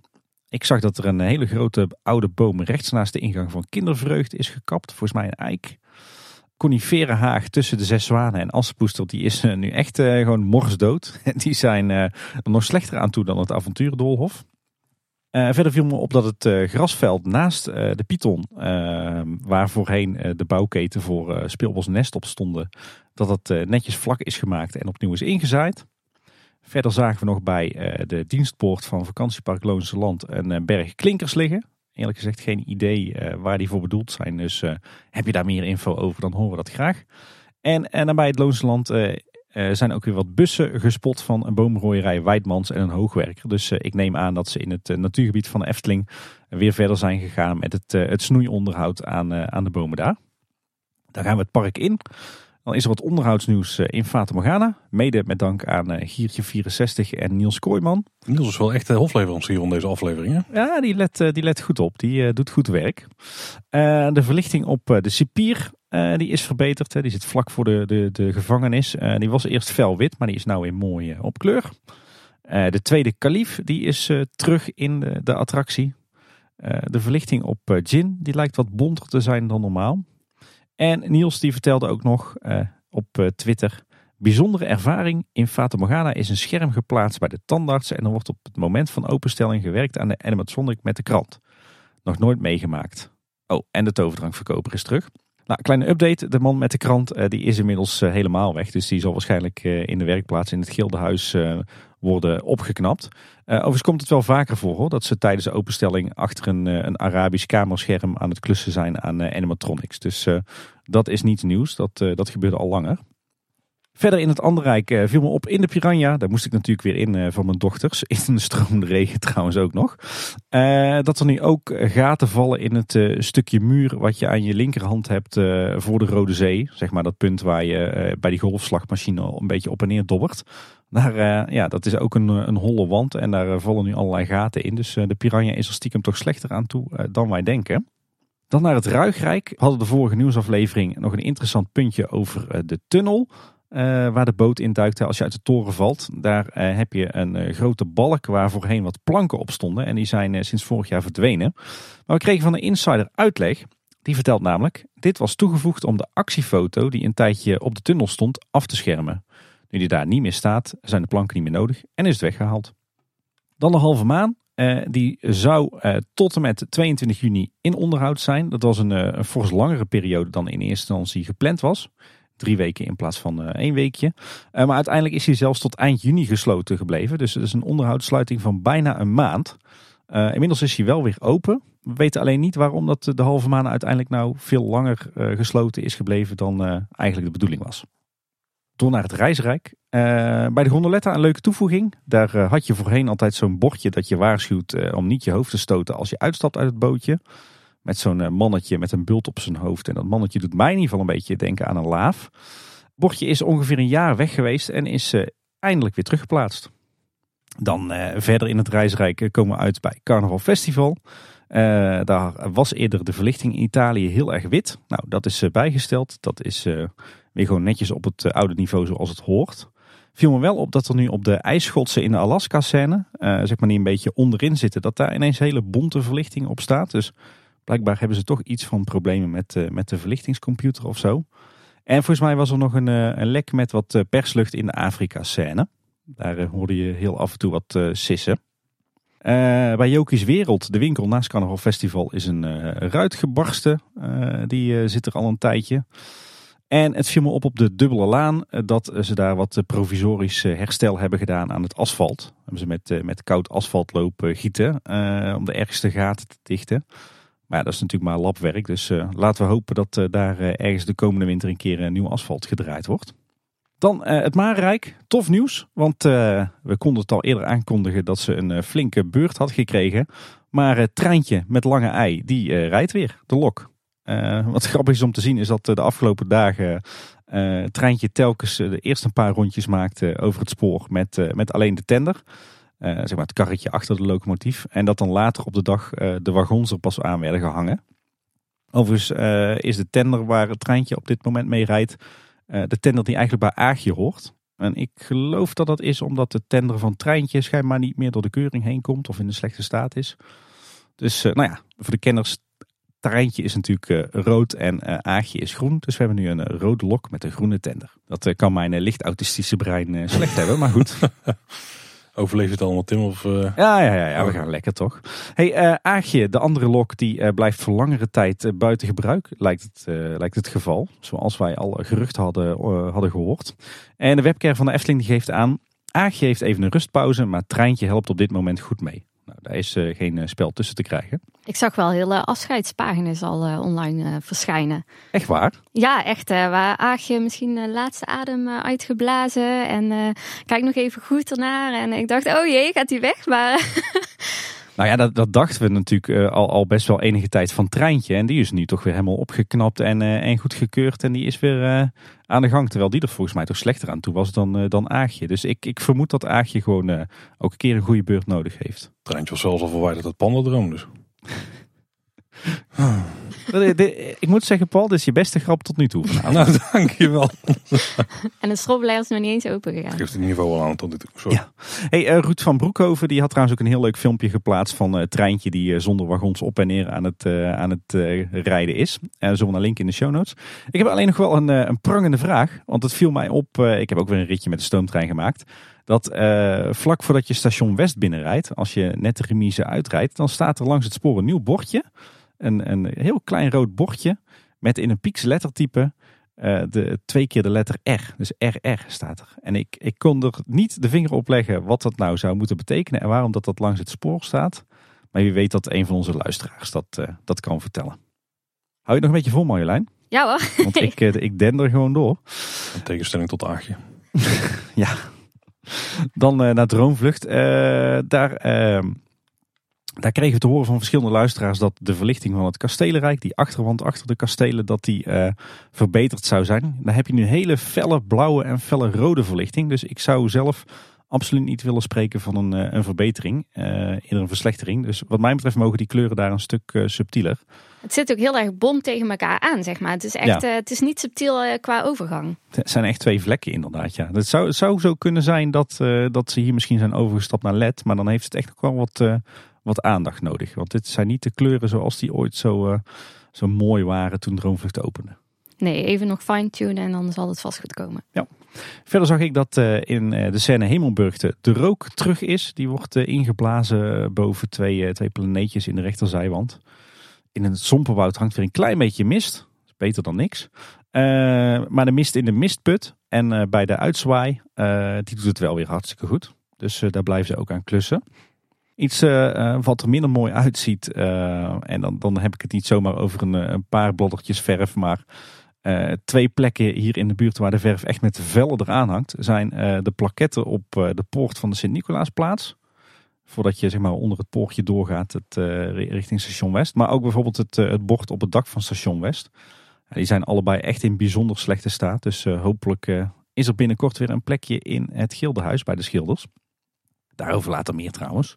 Ehm, dan naar het Lavelaar. Daar, uh, wordt, uh, daar wordt eigenlijk al tijden op allerlei punten uh, gewerkt aan wat klein onderhoud. Nou, onder meer kunnen we berichten dat het water weer terug is in het Lavelaak. er is ook heel veel gebeurd bij, buiten bij het Las Brouwhuis. Het, het waterrad daar is voorzien van nieuwe touwen en van nieuwe terracotta potten. En allerhande houtwerk daar is vernieuwd in het rad. Uh, verder lijken ook de potten aan de touwen te zijn uh, vernieuwd of in ieder geval opgeknapt. Evenals uh, de touwen en de kettingen die de boel daar omhoog en omlaag bewegen. het waterrad beweegt ook weer. er moet wel nog wat water gaan stromen daar vanuit het, het huisje natuurlijk. en er moet ook nog beplanting worden aangebracht in die, die hangende potten die omhoog en omlaag gaan. Maar ja, goed om te zien dat daar alles lekker is opgefrist en vernieuwd. Verder heeft een van de gebroeders Lal heeft een, een nieuwe puntmuts. Het loof- en eerhuis, wat eerder gedeeltelijk gesloten was vanwege een broedende vogel, is weer helemaal open. Uh, bij het glijhuis is wat stukwerk hersteld. En uh, Laaf Elektriek, die zit daar zo mooi boven uh, bij de monorail. die doet het weer helemaal. Alleen die heeft nu de last van dat een van zijn sloffen loshangt te bungelen. En Paul, voor jou, we hebben weer een update over een typische kleine boodschapstoring. Dat moet de molen zijn. Die uh, draait nog steeds. Oh. Maar uh, nog meer goed nieuws, want ook de gootsteen in Lots Kraamhuis die, uh, die loopt weer netjes. Daar komt weer water uit. Schitterend. dan naar het Efteling Museum. Daar is jammer genoeg de sprookjesquiz al enige tijd defect. Tot groot verdriet van ongeveer mij, onder andere mijn kinderen die daar altijd heel erg veel plezier hebben. De tovertafel één ruimte verderop, die lijkt een nieuw scherm te hebben. Dat ziet er weer allemaal prima uit qua resolutie en dergelijke. En in het wonderdepot, de rommelzolder, is een uh, grote sleutel toegevoegd ergens bovenop een plank. Uh, iemand al een idee waar die van afkomstig is? Ik heb geen idee. Ik twijfelde even dat het misschien de sleutel was die is gebruikt bij de opening van Nest. Maar die hebben we niet goed kunnen zien, want er was ook vrij weinig pers bij verder. Uh, maar volgens mij is die daar te groot voor. Ja, um, ik moet heel erg bekennen dat ik het museum nog moet gaan bezoeken dit jaar. Heel slecht. Ik heb hem overgeslagen de laatste paar keer, omdat het zo druk was. Maar uh, hebben we ons gericht op andere attracties, zeg maar. Om... Ja, ja, ja, ja. Oké, ik stop al. ik, ik, ben er ook niet geweest, ik heb hem gewoon op foto's gezien. Maar ik heb geen idee waar hij vandaan komt. Nee, ik ook niet. Ik vermoed qua stijl ergens jaren negentig. Maar ik durf ook niet echt te zeggen uh, waar of, of waarom. Uh, misschien iets met entertainment of met een tijdelijke tentoonstelling. En er moet iets in die richting zijn. Maar ik ga er nog eens op broeden. Dan uh, door naar het Sprookjesbos. En dan zijn we bijna rond hoor. Dus dan mag je weer wakker worden Marjolein en okay. Paul. wat nog opviel is dat bij het kasteel van Don Roosje dat er her en der wat, wat specie is aangesmeerd op stukjes muur die aan het scheuren blijven. En ik zag dat er iets vreemds op de voeten van de, de kok ligt. Ik weet niet wat daar gebeurd is, maar volgens mij is er ergens een stuk decor naar beneden gekomen. Van, van schuim. En dat ligt nu op zijn voeten. Dus daar, ja goed, dat decortje heeft sowieso wel wat zorg nodig. Maar dat hoort daar in ieder geval niet thuis. Flappie aan de gang geweest daar. En dan goed onderhoudsnieuws. Zeker voor jou, Paul. Want ja, ja, de herauten zijn eindelijk terug. Hoi, puntje erbij voor de glazen bol. Ja, volgens mij gaan we richting een gelijk spel uh, onderhand. Hè? Op dit moment wel, maar ik vrees heel erg voor mijn strookrijk gerelateerde punten. Want die ga ik daar weinig scoren. Dus ja, nog dat denk ik ook, ja. Nee, de herauten zijn eindelijk terug na een onderhoudsbeurt van, nou wat zal het zijn? Op zijn minst denk ik een half jaar hè? Ja, nou zeker, ja. ja. Ze zijn heel mooi opgeknapt. Het, uh, het nieuwe decoratieschilderwerk is vrij mat. Uh, maar dat is alleen, alleen, maar mooi natuurlijk. Beter dan, uh, dan een hele glanzende verflaag. Uh, het bladgoud op de herauten is volledig vernieuwd. Dus dat glimt weer mooi. De klaroenen, de, de trompetten, die zijn helemaal nieuw. Ziet er ook heel vrij uit. Um, en zijn ook mooi ingeschaduwd. Ik heb wel de indruk dat het net als eerder bij Kleine Boodschap... dat het, het wat meer is, is aangezet. Dus net wat kleurrijker dan we gewend zijn. maar goed, dat is niet voor niks. Want één zomer eroverheen uh, en zeker één winter eroverheen. En uh, die kleuren die zijn er wel uit. Dus uh, ja, wel begrijpelijk dat ze het liever nu na zo'n grote onderhoudsbeurt net even wat, wat meer in de kleur zetten. Dan kan het, kan het wat hebben. enig puntje is nog wel dat ze nog wel stilstaan. Dus ze moeten nog wel gaan werken. Tim, je haalt net mijn gescoorde punt voor de glazen bol aan. Dat is wel een goede, want die gaan we later dit jaar dus weer in opnemen. Dan gaan we terugkijken op het afgelopen jaar. Kijken welke punten zijn gescoord. Ook welke luisteraars het goed hebben gedaan trouwens. En we gaan erbij vooruitkijken naar eh, het komend jaar en wat daarin misschien wel allemaal gaat gebeuren. Hebben we uiteindelijk ook stellingen voor nodig, dus eh, die mag je alvast gaan verzamelen. We gaan er sowieso richting die aflevering nog een keer om vragen. Uh, dus dan kun je ze ook echt toesturen en dan gaan we ze ook samenstellen. Want je weet dat er nog voor ontwikkelingen zijn. Hè? Een beetje zonde als je ze nu al opstuurt. Dus schrijf ze alvast tegen op, maak een notitie, verzin wat stellingen. En dan, als je die tegen die tijd onze kant op stuurt, dan komt die misschien wel in de aflevering voor. Ja, en even goed om te verduidelijken. We zoeken dus niet echt stellingen, maar we zoeken meer gebeurtenissen waarvan wij moeten raden of ze dus wel of niet uh, binnen een jaar na opname van de aflevering plaatsvinden. Dus je moet echt gebeurtenissen bedenken uh, die mogelijk het komende jaar voor gaan vallen in de wereld van de Efteling. Ja, en ze moeten niet te voor de hand liggend zijn, hè? want dat er uh, weer friet verkocht wordt bij het smulpaap, ja, dat snappen wij ook wel. Het moet een beetje op de rand van het onwaarschijnlijke liggen. Ja, dan is het voor ons in ieder geval een uitdaging. Hey, terug naar het onderhoud. want de grootste onderhoudklus in het park op dit moment is... De Indische waterlelies. Exact. Daar wordt hard gewerkt. Jammer genoeg zien we er weinig van. Ik hoop echt op een, eh, een blogbericht hierover. Nou, je zegt we zien hier weinig van. Maar ik ben in dit geval heel erg blij uh, met jullie oplettendheid. Want met mijn 1,50 meter, ik zie er echt letterlijk niks Er zijn gelukkig een aantal Efteling-liefhebbers die daar een telelens opzetten. En ja, dan uh, vanaf een aantal pleinen in de omgeving foto's daarvan schieten. Want dat is ook hoe ik het meeste ervan meekrijg. Ja. Wat me trouwens opgevallen daar is dat ze dus veel meer hebben afgebroken nog aan rotsen dan wat in eerste instantie het geval was. Want op de vorige nieuwsaflevering toen wisten we dat in ieder geval bij de gaanderij bij de ingang dat daar boven het rotswerk voor de, een derde of de helft was afgebroken. Maar nu is die compleet weg daarbovenop. Ja, klopt. Eh, en niet alleen het rotswerk, maar ook het bakstenen wandje dat erachter stond, dat is ook helemaal afgebroken. Maar er wordt, eh, er wordt hier inderdaad hard gewerkt. Eh, wat we zien is dat onder meer hard wordt gewerkt aan de ingangsgrot, om hem zo maar te noemen. Het lijkt erop dat ze daar aan het werk zijn aan een constructie waar ze dan vervolgens weer de, de, de wapeningsnetten op gaan lassen. Uh, waar ze uiteindelijk de, het rotswerk op gaan maken. Uh, maar ik zag ook al wat pallets met, uh, met bakstenen in de grot staan. Dus mogelijk gaat daar ook nog wat, wat gemetseld worden. Wat verder nog opviel is dat overal de, de flagstones zijn verwijderd, inclusief de fundering eronder. Dus dat is helemaal tot op het zand weg. Ik ben wel heel benieuwd wat we hiervoor terugkrijgen. Want jarenlang was het zo dat de flagstones die hier gebruikt zijn in vier tinten, dat die niet verkrijgbaar waren op de markt.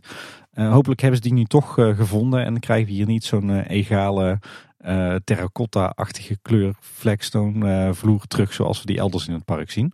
Maar goed, dat weten we hopelijk over een paar maandjes. En ehm, we kregen ook nog een foto te zien dat het, het tekstbord bij de ingang weg is. Dus mogelijk krijgt hij ook een schilderbeurtje. En dan tot slot in het Sprookjesbos is er momenteel vaak storing bij de nieuwe kleren van de keizer. Want uh, vooral de kar met de drie hofdames, die blijft daar heel vaak steken. Ja, en dan ligt natuurlijk het sprookje plat. En ergens in de Efteling wordt ook nog iets gesloopt. Want van de week heb ik een container van het sloopbedrijf Gubbels gezien op parkeerterrein bij kantoor Ravelijn. En later nog een busje van een bedrijf dat in betonboringen doet. Maar ik kan er nog niet echt de vinger op de zere plek leggen waar die gasten bezig zijn. Uh, nou ja, goed. wie weet dat een van onze luisteraars wel, wel meer weet. En anders dan komen we het vanzelf nog wel te weten natuurlijk. Zeker. Hey, en dan door naar het kort nieuws. Tim, je mag weer even ademhalen. Drink je colaatje. Zorg dat die stembanden weer een beetje afkoelen. ja. Ja, dat is nodig. Hey, de Albert Heijn actie die wij kennen in Nederland, die draait nu ook in België. Van 28 juni tot met 11 juli kun je sparen voor 12,5 euro korting. En je kunt verzilveren van 12 juli tot met 15 augustus. En ook daar in België hebben ze nu de winactie met de Efteling hamsters. Dat is plezant hè? Verder test de Efteling naar verluid uh, met de mogelijkheid om symbolica in meerdere talen aan te bieden.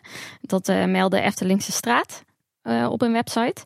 De Efteling-app uh, moet in het Engels, Duits of Frans zijn ingesteld. En je moet persoonlijke diensten en belevenissen tijdens je bezoek hebben aangevinkt. Dan pas kan dit werken. De fantasievader herkent namelijk dan je instellingen en die communiceert dit met de show control. Ja, dat lijkt heel erg op het systeem wat ze bij uh, gebruiken. Ja. Wat daar overigens uh, vrij matig werkt. Dus ja. ik hoop dat het hier beter werkt. Ik moet zeggen dat ik het vinkje persoonlijke diensten en belevenissen tijdens je bezoek, dat ik toch altijd een beetje dubbelzinnige gedachten van krijg. Ik heb dus zelf nog niet ervaren dat ze dit aan het testen zijn. Ik weet niet of jullie dat wel al een keer hebben meegemaakt. Nee, maar ik heb wel begrepen dat de Pardoes en Oje punctueel dus Engels, Duits of Frans moeten gaan spreken dadelijk. Dus.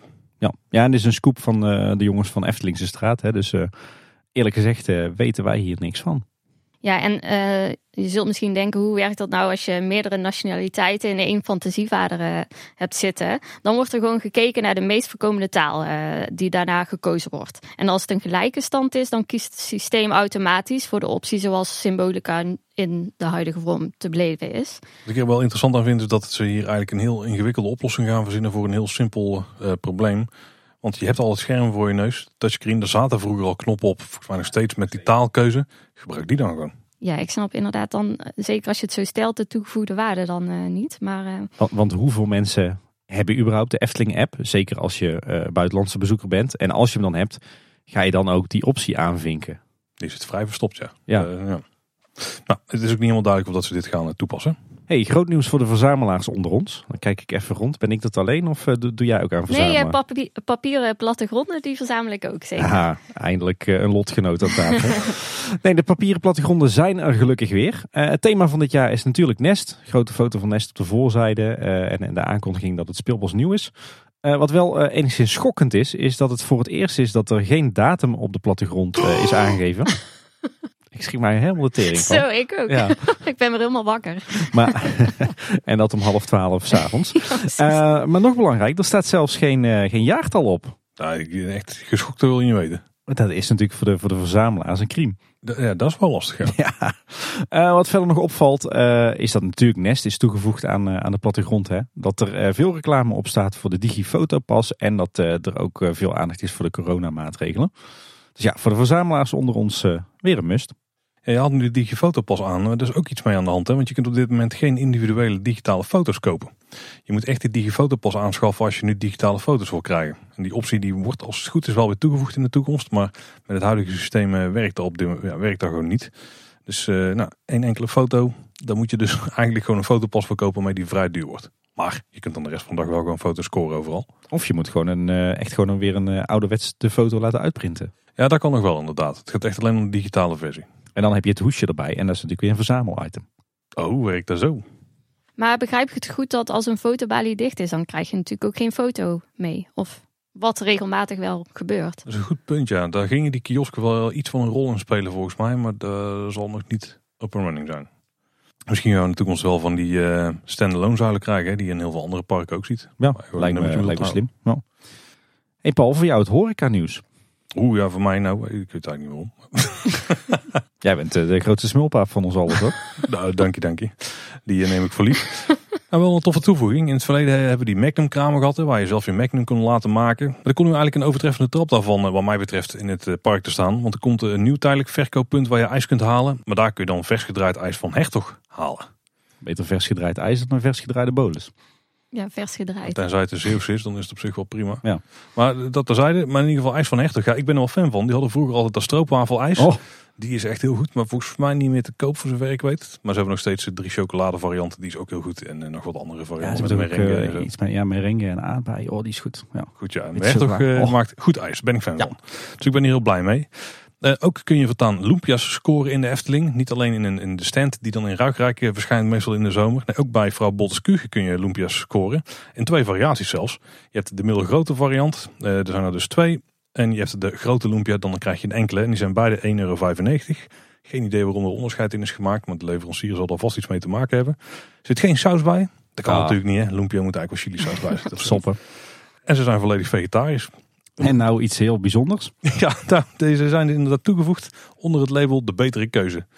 Want het zou minder vet zijn. ja, ik, ik weet niet, ja, misschien onvoorbereid wel, maar volgens mij is een lumpia. Dat, dat- Een on, ongefrituurd misschien. ja, Ja. gefrituurd zal die vast gezond zijn, maar volgens mij gefrituurd is dit gewoon één bonk frituurolie die naar binnen werkt. Ja, meestal als je een één hap neemt, dan krijg je een soort van tsunami van frituurvet over je bek heen. Ja, dus wel een goede stimulans voor die verkoop van de hertog-ijs. Ja, Moet een beetje uit de koelen weer, maar... Hmm. En die eh, loaded fries bij de smulpaap die we vorige keer hebben aangekondigd, die zijn nu ook eh, echt verkrijgbaar. En naast die eh, special is er ook de veggie loaded fries weer die we vorig jaar ook konden krijgen. En er zitten dan gefrituurde avocado's op. Wat is dat nou weer? Ik heb nog nooit een gefrituurde avocado op. Nee. Nou, Het was voor mij, er ging voor mij al een wereld voor me open toen ik erachter kwam dat je niet avocado schrijft, maar avocado. nee, dat is wel eh, essentieel, ja. Ja. Anders duurt het niet goed bij de hipsters. Maar wel, wel leuk, op de Efteling blog eh, eh, vind je nu ook het recept van die loaded fries, de, de pulled chicken en piccalilli. En als je erin duikt, dan kom je erachter dat je ook romaine sla eraan toevoegt, de rode ui. En, daar komt die, die was voor mij ook nieuw, een drizzle van lemon pepper mayonaise. Nee, dat is gewoon dunne mayo die ze er een beetje overheen sprang, sp- sprinkelen. Drizzelen. Ja, drizzelen. Drizzle. Dat is een Dri- bepaalde ding. drizzle is toch Engels voor miser? Ja, nee, je moet ook echt, er komt ook echt een beetje zo'n zo'n laf, eh, ja, zo- zo'n laf strookje saus overheen te liggen. Een, een miser van mayonaise. En dan nog wat entertainment nieuws. Want eh, je hebt natuurlijk de Ontmoet en Begroet Act op het Warroplein met eh, Roodkapje, Assepoester en eh, Ruiter Thomas. Maar eh, sinds kort kan je daar ook eh, Ruiter Lisa treffen. De blauwe ruiter uit uh, Ravelijn. En op zondagavond 27 juni waren er filmopnames in het park. Eh, er is ons niet bekend eh, voor welk programma of welke film. Dus eh, weet je daar meer over, dan weet je ons te vinden. En over films gesproken, luisteraar Shane, die wist ons nog te vertellen, of die wees ons er eigenlijk op, dat de fantastische film De Expeditie van de Familie Vos vanaf 16 juli ook op Videoland te kijken is. Nog wat meer informatie over hoe de vriendentickets nu werken. Had de redactie het even gecheckt bij de webcare. Kunt vriendentickets op dit moment alleen maar kopen via jouw Efteling-account. Dus niet meer bij de gastenservice. En je kunt ze ook per één kopen. En die tickets zijn dan geldig tot en met 31 december dit jaar. Zoals voorheen eigenlijk. En als je nog geld op je pasje hebt staan, dan eh, kun je die nu kwijt aan de Efteling chocolade ducaten. En een netje kost 2 euro. Dus eh, ik moet zeggen, ik heb volgens mij nog 60 euro eh, op mijn pasje staan. Dus ik kan, eh, ik kan wel best een berg eh, ducaten gaan halen, moet ik zeggen. Dan kun je een bad met munten maken thuis. Dat is fancy.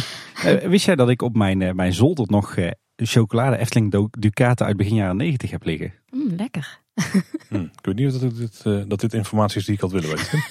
Ik, ik ben benieuwd hoe dat die eruit zien eigenlijk. Maar ja, dan moet ik ze openmaken. En dat doe ik natuurlijk niet, want dan heb ik weer een uniek verzamelitem minder. Zo, dus een Schrödinger-kat eh, situatie hier. Oh, meer een chocoladekat.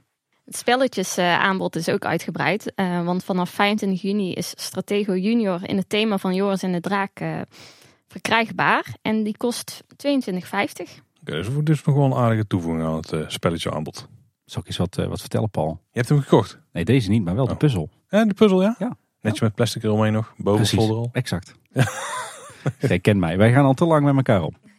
En voor de liefhebbers van kerst, er zijn eh, nieuwe Efteling kersthangers, of die komen althans uit eh, richting de kerst. Dat zijn eh, glazen ornamenten, nou, ornamenten, ornamentjes, in de vorm van diverse sprookjes voor in de kerstboom. Dat zijn langnek, een roodkapje, klein duimpje, ezeltjestrekje, draak en een muzikale paddenstoel. En op de website wispelvillage.nl zijn vier van de zes hangers al voor te bestellen. En volgens de website start de verzending op 10 september 2021. En de nieuwe kersthangers die zijn net zoals de miniaturen van het merk Luville. En de prijzen die variëren vooralsnog tussen 14,99 en 19,91 per stuk. En we zullen een linkje plaatsen richting eh, dat de wispelvillage.nl in onze show notes. Ja, dan door naar vacatures. We zeiden het al, de Efteling komt met een dramatisch personeelstekort. op het, het hoogtepunt de afgelopen twee weken hadden ze maar liefst 28 vacatures. Dan is nog niet eens zo dat ze dan naar 28 FTE zoeken. Maar voor sommige vacatures zoeken ze natuurlijk meerdere medewerkers. inmiddels staan er nog 16 stuks open. en toch weer behoorlijk wat interessante functies waarmee we toch ook weer wat leren over de organisatie van de Efteling. Ja, want zo zoeken ze onder andere een medewerker Customer Service Contact Center. Daarnaast zoeken ze een werkvoorbereider techniek. Ja, dat is voor de afdeling onderhoud en services. Ze zijn namelijk op zoek naar een werkvoorbereider voor de bouwdienst. Die er uh, samen met zijn team voor zorgt dat de gasten een veilige, onbezorgde en betoverende dag beleven. En daar leren we weer veel over de afdeling. Want die afdeling onderhoud en service die behoort tot de Business Unit Park. En die bestaat uit ongeveer 140 collega's. Uh, je zorgt dan voor het plannen en uitvoeren van het meerjaren onderhoud. Daarnaast verzorg je dienstverleningsaanvragen, kleine nieuwbouwprojecten, correctieve meldingen en verleen je uiteenlopende services aan verschillende afdelingen. En die afdeling onderhoud en service bestaat uit de afdelingen planning en beheer, uitvoering, magazijnen en beveiliging en hulpverlening. En uh, deze vacature die staat dan uit bij de afdeling bouwdiensten en schilders. en het team daar bestaat uit zo'n 12 collega's. En eh, dan draag je dus bij aan de realisatie, optimalisatie, inzetbaarheid en instandhouding van alle attracties, gebouwen en buitenruimtes van de Efteling. En als werkvoorbereider bouwdienst maak je onder andere een vertaalslag van inspectierapporten naar wat er daadwerkelijk aan onderhoud uitgevoerd moet worden. Klinkt als een droombaan van jou, Tim. Ja, eigenlijk wel. Is je wel opgestuurd? Of, uh... uh, ik denk dat ik niet zo'n goede werkvoorbereider ben. Ah, oké. Verder zoeken ze nog een eh, medewerker gastenservice. Um, dan kom je in de afdeling attracties en entree en entertainment. En die zorgt voor een optimale gastbeleving ten aanzien van parkeren, entree, gebruik van de attracties en het ervaren van entertainment. Die is trouwens nieuw hè, die afdeling attracties en entree en entertainment. Dat waren vroeger losse afdelingen. Ik heb het hier alles uh, iedere drie maanden op zijn kop wordt gezet. ja, ze houden bij de Efteling van reorganiseren denk ik. Hiervoor zal de komende jaren een ontwikkeling plaatsvinden naar een meer seamless ervaring. Seamless, seamless tussen de afdeling attracties, entree, entertainment? Of? Nee, ik denk meer, meer voor de bezoekers. Hè? Dat, de, hoe heet dat dan? De, de, de, de, de, de journey, de, de zal ik, dit, zal ik dit gewoon eens vertalen naar Nederlands? Volgens mij gaan ze gewoon de app meer inzetten om daar meer dingen te, te kunnen regelen. Um, het verhogen van de capaciteit is een van de uitdagingen waar, waarbij veiligheid en belevingskwaliteit gewaarborgd dienen te blijven. En uh, die afdeling bestaat uit meer dan 850 collega's. een flinke afdeling. Lijkt me logisch, hè, want alle attracties vallen hier ook onder. En verder zoeken ze nog uh, mensen bij Caro. Er zijn audities voor. Bij de EHBO zoeken ze een medewerker. Ook een medewerker voor de keuken wordt gezocht voor het horeca in het park. En uh, er is een meewerkstage productieassistent Caro beschikbaar. De Efteling schrijft erover dat het een stage is waarbij je hard en onregelmatig moet werken. Ja, waarschijnlijk weinig betaald krijgt, maar daar zetten ze dan niet bij. En veel verantwoordelijkheid leert dragen. Dagelijkse werkzaamheden bestaan uit het assisteren van de company manager en het maken van groepsindelingen voor repetities en speeldagen. En daarnaast is er voor iedere KRO-show een kinderkast aanwezig en soms moet je hen ook begeleiden. En dat doe je dan naast het assisteren van het kinderregieteam, waarbij je ook mailcontact met de ouders hebt van die kinderen. Dus ook heel dat stukje op zetten doe je dan. Een zeer afwisselende meewerkstage, denk ik. Ja, heel druk vooral ook.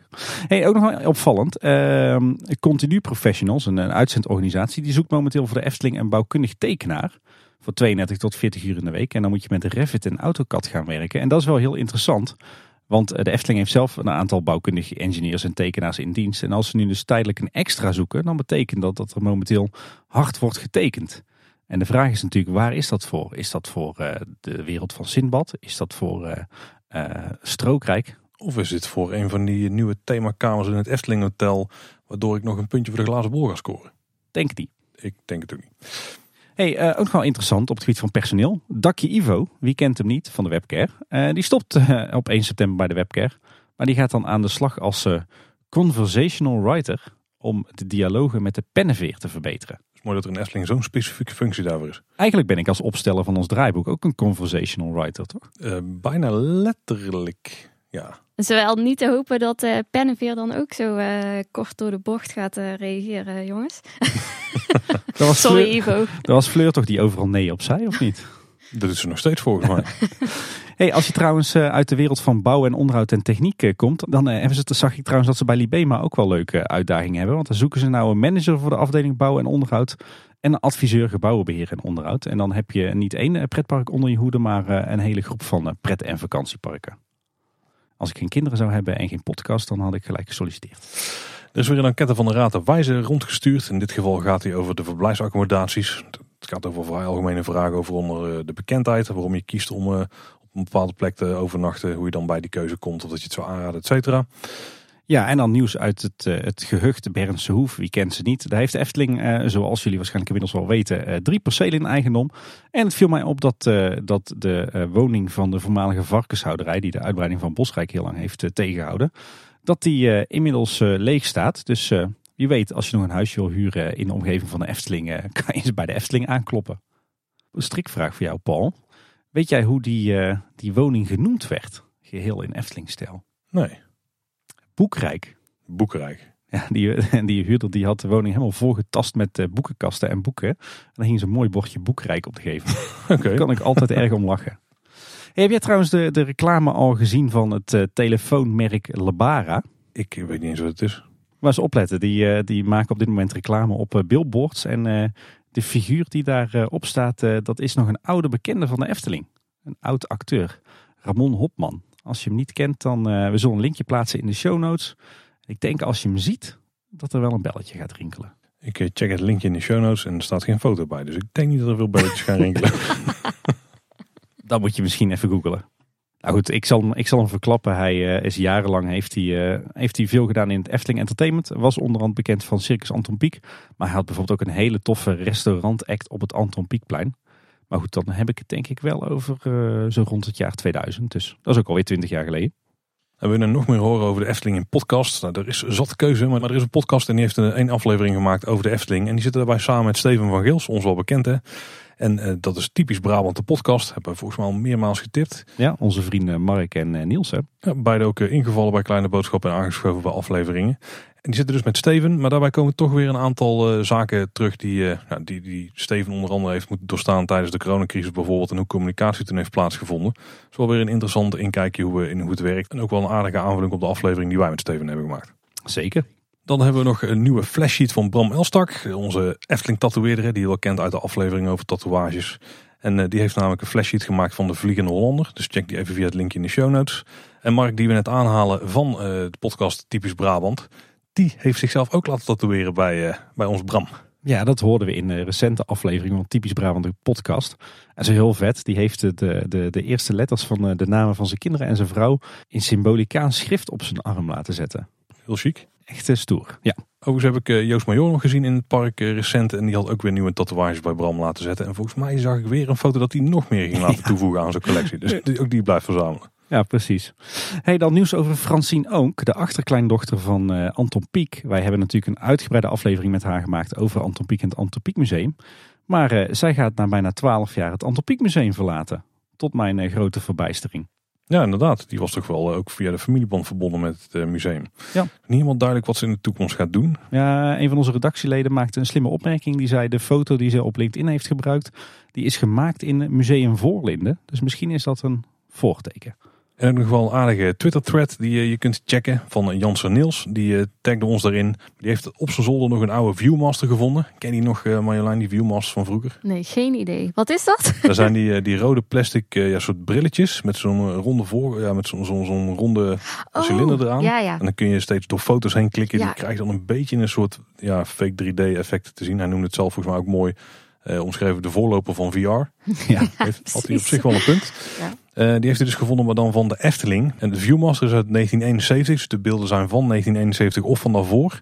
En ik geeft ook wel een mooi kijkje in de historie van de Efteling met de foto's die ik in ieder geval nog niet heel vaak heb gezien. En het voordeel van zo'n Viewmaster, die staan er dus op film in. Dus de kwaliteit van de beelden is ook nog vrij goed. Heel tof, die moet ik echt even gaan checken, ja. Ja, en uh, de stamtafel is natuurlijk ook nog steeds een tof account op Twitter wat je zeker moet volgen. Dat hey. moet je onderhand weten als je boodschap ja, precies, hofleverancier. hey, uh, Vlederik, ook wel een beetje vriend van de show, toch? Absoluut, ja. Is te gast geweest met, uh, bij de aflevering over bordspellen, toch? Ja. Die heeft een uh, Eftelings rollenspel bedacht. als ik het goed zeg, Ersten Ever After. Maar goed, Paul, jij moet verder uitleggen hoe het werkt of hoe het zit. Want bordspellen en ik is geen gelukkige combinatie. Dat kan ik je dus nog niet vertellen. Oh. want er is geen playtest geweest. Maar ik krijg binnenkort volgens mij wat regels. En ik zit als het goed is ook in het groepje wat dit eh, gaat testen. Dus dan kan ik er uitgebreid verslag over doen. En eh, volgens mij is het straks uiteindelijk ergens gewoon gratis verkrijgbaar. En dan kan iedereen uh, daarmee aan de slag. Waar lijkt het op? Waar kunnen bordspelspelers het mee vergelijken? Ja, met niks. Het is, het is een beetje een rolspel. nou ja, niet met, met, niet met de typische bordspellen die je koopt in een doos in de winkel, zeg maar. je, ja, je, je, bent uiteindelijk ben je een karakter wat zich moet voortbewegen in een sprookjeswereld die half vergaan is. En uh, dan moet je je weg in zien te vinden. En, uh, de Efteling tijdens corona. Na corona, daar is het dan meer. Er heeft een, een, event plaatsgevonden. Nee, ik had een, wel het, het inleidend verhaal eh, gelezen. Dat was denk ik een regel of 15. En als je daar leest, dan zit je er helemaal in. Dus textueel zit het al heel goed in elkaar. En qua spelletje, ik verwacht met uh, dat het ook wel goed gaat komen. Zeker, ik ben benieuwd. En volgens mij zijn er ook nog wel wat dingen gebeurd in de omgeving van de Efteling. Want volgens mij is de F261 gereed, in. Ja, de fiets nou van Tilburg naar Waalwijk. Wie kent hem niet? Die is klaar inderdaad. Uh, hij is nog niet officieel geopend, maar ik heb vandaag wel even een, eh, rondje gedaan langs het Kaatshevelse tracé. In de auto, dat dan weer wel. Maar uh, ja, ik moet zeggen, de, de fietsnelweg zelf ligt er super strak in. Netjes in de rode asfalt, overal lekker breed, lekker veilig, goed verlicht. Mooi vlak. Uh, dus dat is uh, super mooi geworden. Valt me wel op dat, uh, dat de rijbaan overal is verhuisd. En dat is wel een zoortje nu. Want je hebt nog her en der wat oude betonplaten liggen op de horst. Je hebt stukjes in betonklinkers ineens. Dan weer een stukje asfalt. Dus dat is gek dat ze dat niet ineens hebben meegepakt. Maar de fietsnelweg zelf eh, die, eh, ziet er bijzonder goed uit. Ook wat mysteries opgelost, want het fietspad aan de oostzijde van de Horst, dat geen functie meer heeft, die is inderdaad helemaal opgebroken, weggehaald en nu ingezaaid met gras. En de parkeerplaatsen die je vroeger langs de oude Horst had, die zo makkelijk zijn als je wilt gaan wandelen in natuurgebied Loonse Land, die komen helaas niet meer terug. Uh, daar is ook geen ruimte meer voor. Um, en het valt me op dat mensen nu dus in de berm aan de oostzijde parkeren. Waar dus voorheen het fietspad lag en nu niet meer. Dat mag, want je mag buiten de bebouwde kom in de berm parkeren. Maar het zal niet heel best zijn voor het, het gras. Maar goed, je moet wat. En goed nieuws, ook een beetje corona gerelateerd. Maar de kermis van Kaatsheuvel, die gaat gewoon door. Van 2 tot en met 6 juli op het, het Anton Pieckplein. Niet dat in de Efteling, alhoewel je daar ook wel een soort van kermis vindt. Maar het Antropiekplein in Kaatsheuvel, daar is eh, tot en met 6 juli uh, de kermis. Dus als je deze aflevering luistert, dan kan je daar nog een dag of twee van genieten. Ja, en ik wist niet eens dat het bestond, Tim. En Marjolein, sorry dat we al het lokaal nieuws er even doorheen raken. Maar ik, ik wist niet dat het bestond. Maar er blijkt dus beleid te zijn in de gemeente Loon voor wegtreinen. Wegtreinen? Dat gaat over Aagje. Nou, wederom. Oh, het komt allemaal terug, hè. Het gaat denk ik dus over die treinen die onder andere de Efteling zelf heeft rijden bij, of tussen de vakantiepark en uh, de Efteling zelf. Dus in dit geval van de Efteling zijn het van die elektrische. Blijkbaar is het dus beleid dat er maximaal vier in een gemeente mochten rondrijden. Maar daar is de gemeente naar teruggekomen. Er is geen maximum meer. Maar je moet wel een vergunning aanvragen mocht je zo'n treintje willen laten rijden. Ook tractoren met huifkarren vallen hieronder. En ik weet dat die wel een aantal meerijden. En dat dat dus voorheen niet het geval was. Dus die zullen nou een aanvraag moeten doen. Ondernemers buiten de gemeente die mogen ook een vergunning aanvragen. En daardoor kunnen dus eigenaren van een camping of vakantiepark buitenloon op zand ook straks hun gasten met een trein of huifkar naar de Efteling brengen. Dat wordt een uh, dolle boel daar op het bussenparkeerterrein. Ik heb dus wel het idee dat dit is ingegeven door ontwikkeling in de buurt. Want volgens mij, ik heb zo'n vermoeden dat Europarks wel interesse heeft in zo'n service. Ja. Uh, Landel niet, want dat is iets meer hands-off de park. Daar, daar rijdt iedereen toch een Audi of een BMW. Ja, of Tesla. En ik misschien ook wel andere ondernemers die hier dus dingen mee willen gaan doen. Ook omdat er zo specifiek regels zijn voor ondernemers buitenloon op zand. Um, wat dus nog interessant is om te weten is dat die wegtreinen overal op de openbare weg mogen komen. Behalve op het stuk Europalaan tussen de parkeerplaats en de N62. Dus dat is eigenlijk het stukje wat alle auto's moeten rijden die van de N62 naar het parkeerterrein gaan. Dus moeten ze dan weer een andere route rijden. En die treinen mogen ook niet in de duinen. Op één uitzondering na. Er is namelijk ook een, eh, de Duin Express. Dat is van een ondernemer in de Moer. En die had die uitzondering al gekregen en die blijft gewoon gelden. Dus die mag wel nog door de duinen rijden met zijn, eh, met zijn wegtrein. Wat ik nog wel uh, saillant vond, zoals het dan zo mooi heet, is dat uh, Koen Schellevorst, de, de eigenaar van het Guesthouse Hotel hier in, uh, in Kaatsheuvel, wij zijn er ook al eens te gast geweest, die heeft bij de Raad van State de plannen aangevochten voor een hotel met 150 kamers op de oude Groenrijk locatie bij Waalwijk. Koen die, die beweert dat er nu al een overaanbod is en deze nieuwe plannen die zouden leiden tot leegstand. Uh, en daarmee gaat het ook ten koste van de levensvatbaarheid van uh, bestaande hotels in, uh, in de omgeving. Waaronder natuurlijk die van uh, Schelvorst zelf. voor de gemeente Waalwijk is er echter voldoende ruimte voor en behoefte aan een nieuw hotel. En dat zou medekomen omdat volgens de gemeente Waalwijk een plan voor een hotel met 500 kamers inmiddels zou zijn ingetrokken. En dat gaat natuurlijk over dat plan voor maar liefst drie hotelgebouwen langs de, de Horst zeg maar tegenover het Efteling Hotel. Uh, daar zouden ze ja, drie kastelen optrekken met een heel duingebied eromheen. En voor de gemeente Waalwijk zou dat plan dus zijn ingetrokken. Maar Koen Schelfrost geeft aan dat dat niet het geval zou zijn. Dus daar, daar speelt wel iets. Maar de Raad van State die geeft aan dat ze zich eigenlijk niet met concurrentie bemoeien. En uh, tijdens de zitting leken de aanwijzingen dat het de komende jaren niet zo goed zal gaan in de recreatie- en hotelsector niet zo ijzersterk. Zeker niet met de uitbreidingsplannen van de Efteling in het verschiet. Dus het lijkt erop dat de Raad van State uh, in het voordeel gaat, uh, gaat besluiten van de initiatiefnemers voor het nieuwe hotel bij Waalwijk. Ik ben ook wel heel benieuwd wat er dan met het plan gaat gebeuren van het hotel aan de Horst. Ja. Koens argument leunde wel heel erg op dat daar dus wel dat die ontwikkeling er ook ging komen. En dat de hotel en het hotel in Waalwijk dan te veel van het goede zou zijn. En nog twee natuurdingetjes. Uh, het Van Gogh Nationaal Park. Uh, een, uh, een, nationaal park wat zo'n beetje half Brabant zou beslaan. En waarin een heleboel uh, natuurgebieden in op zouden gaan. Rond het thema Vincent van Gogh. ik geloof dat de Efteling daar ook in meedoet als een, als een partner. Die krijgt voorlopig nog niet het predicaat Nationaal Park. Want van het totale gebied, daar zit veel te weinig natuur in. En ook veel te weinig samenhang volgens de minister. Dus die hebben nog wat, wat huiswerk te doen. En verder is het ontwerp bekend geworden voor het waterlandschap Pauwels. Onderdeel van het landschapspark Pauwels. Dat is een nieuw natuurgebied tussen Tilburg Noord en de Efteling. En uit die plannen, uh, die in het Brabants Dagblad uh, te lezen zijn geweest, daar blijkt dat het, het recroduct wat daar gaat komen, wat zowel voor dieren als voor recreanten is, en wat betaald gaat worden door de Efteling, dat dat geen ecoduct over de weg heen wordt, maar een tunnel.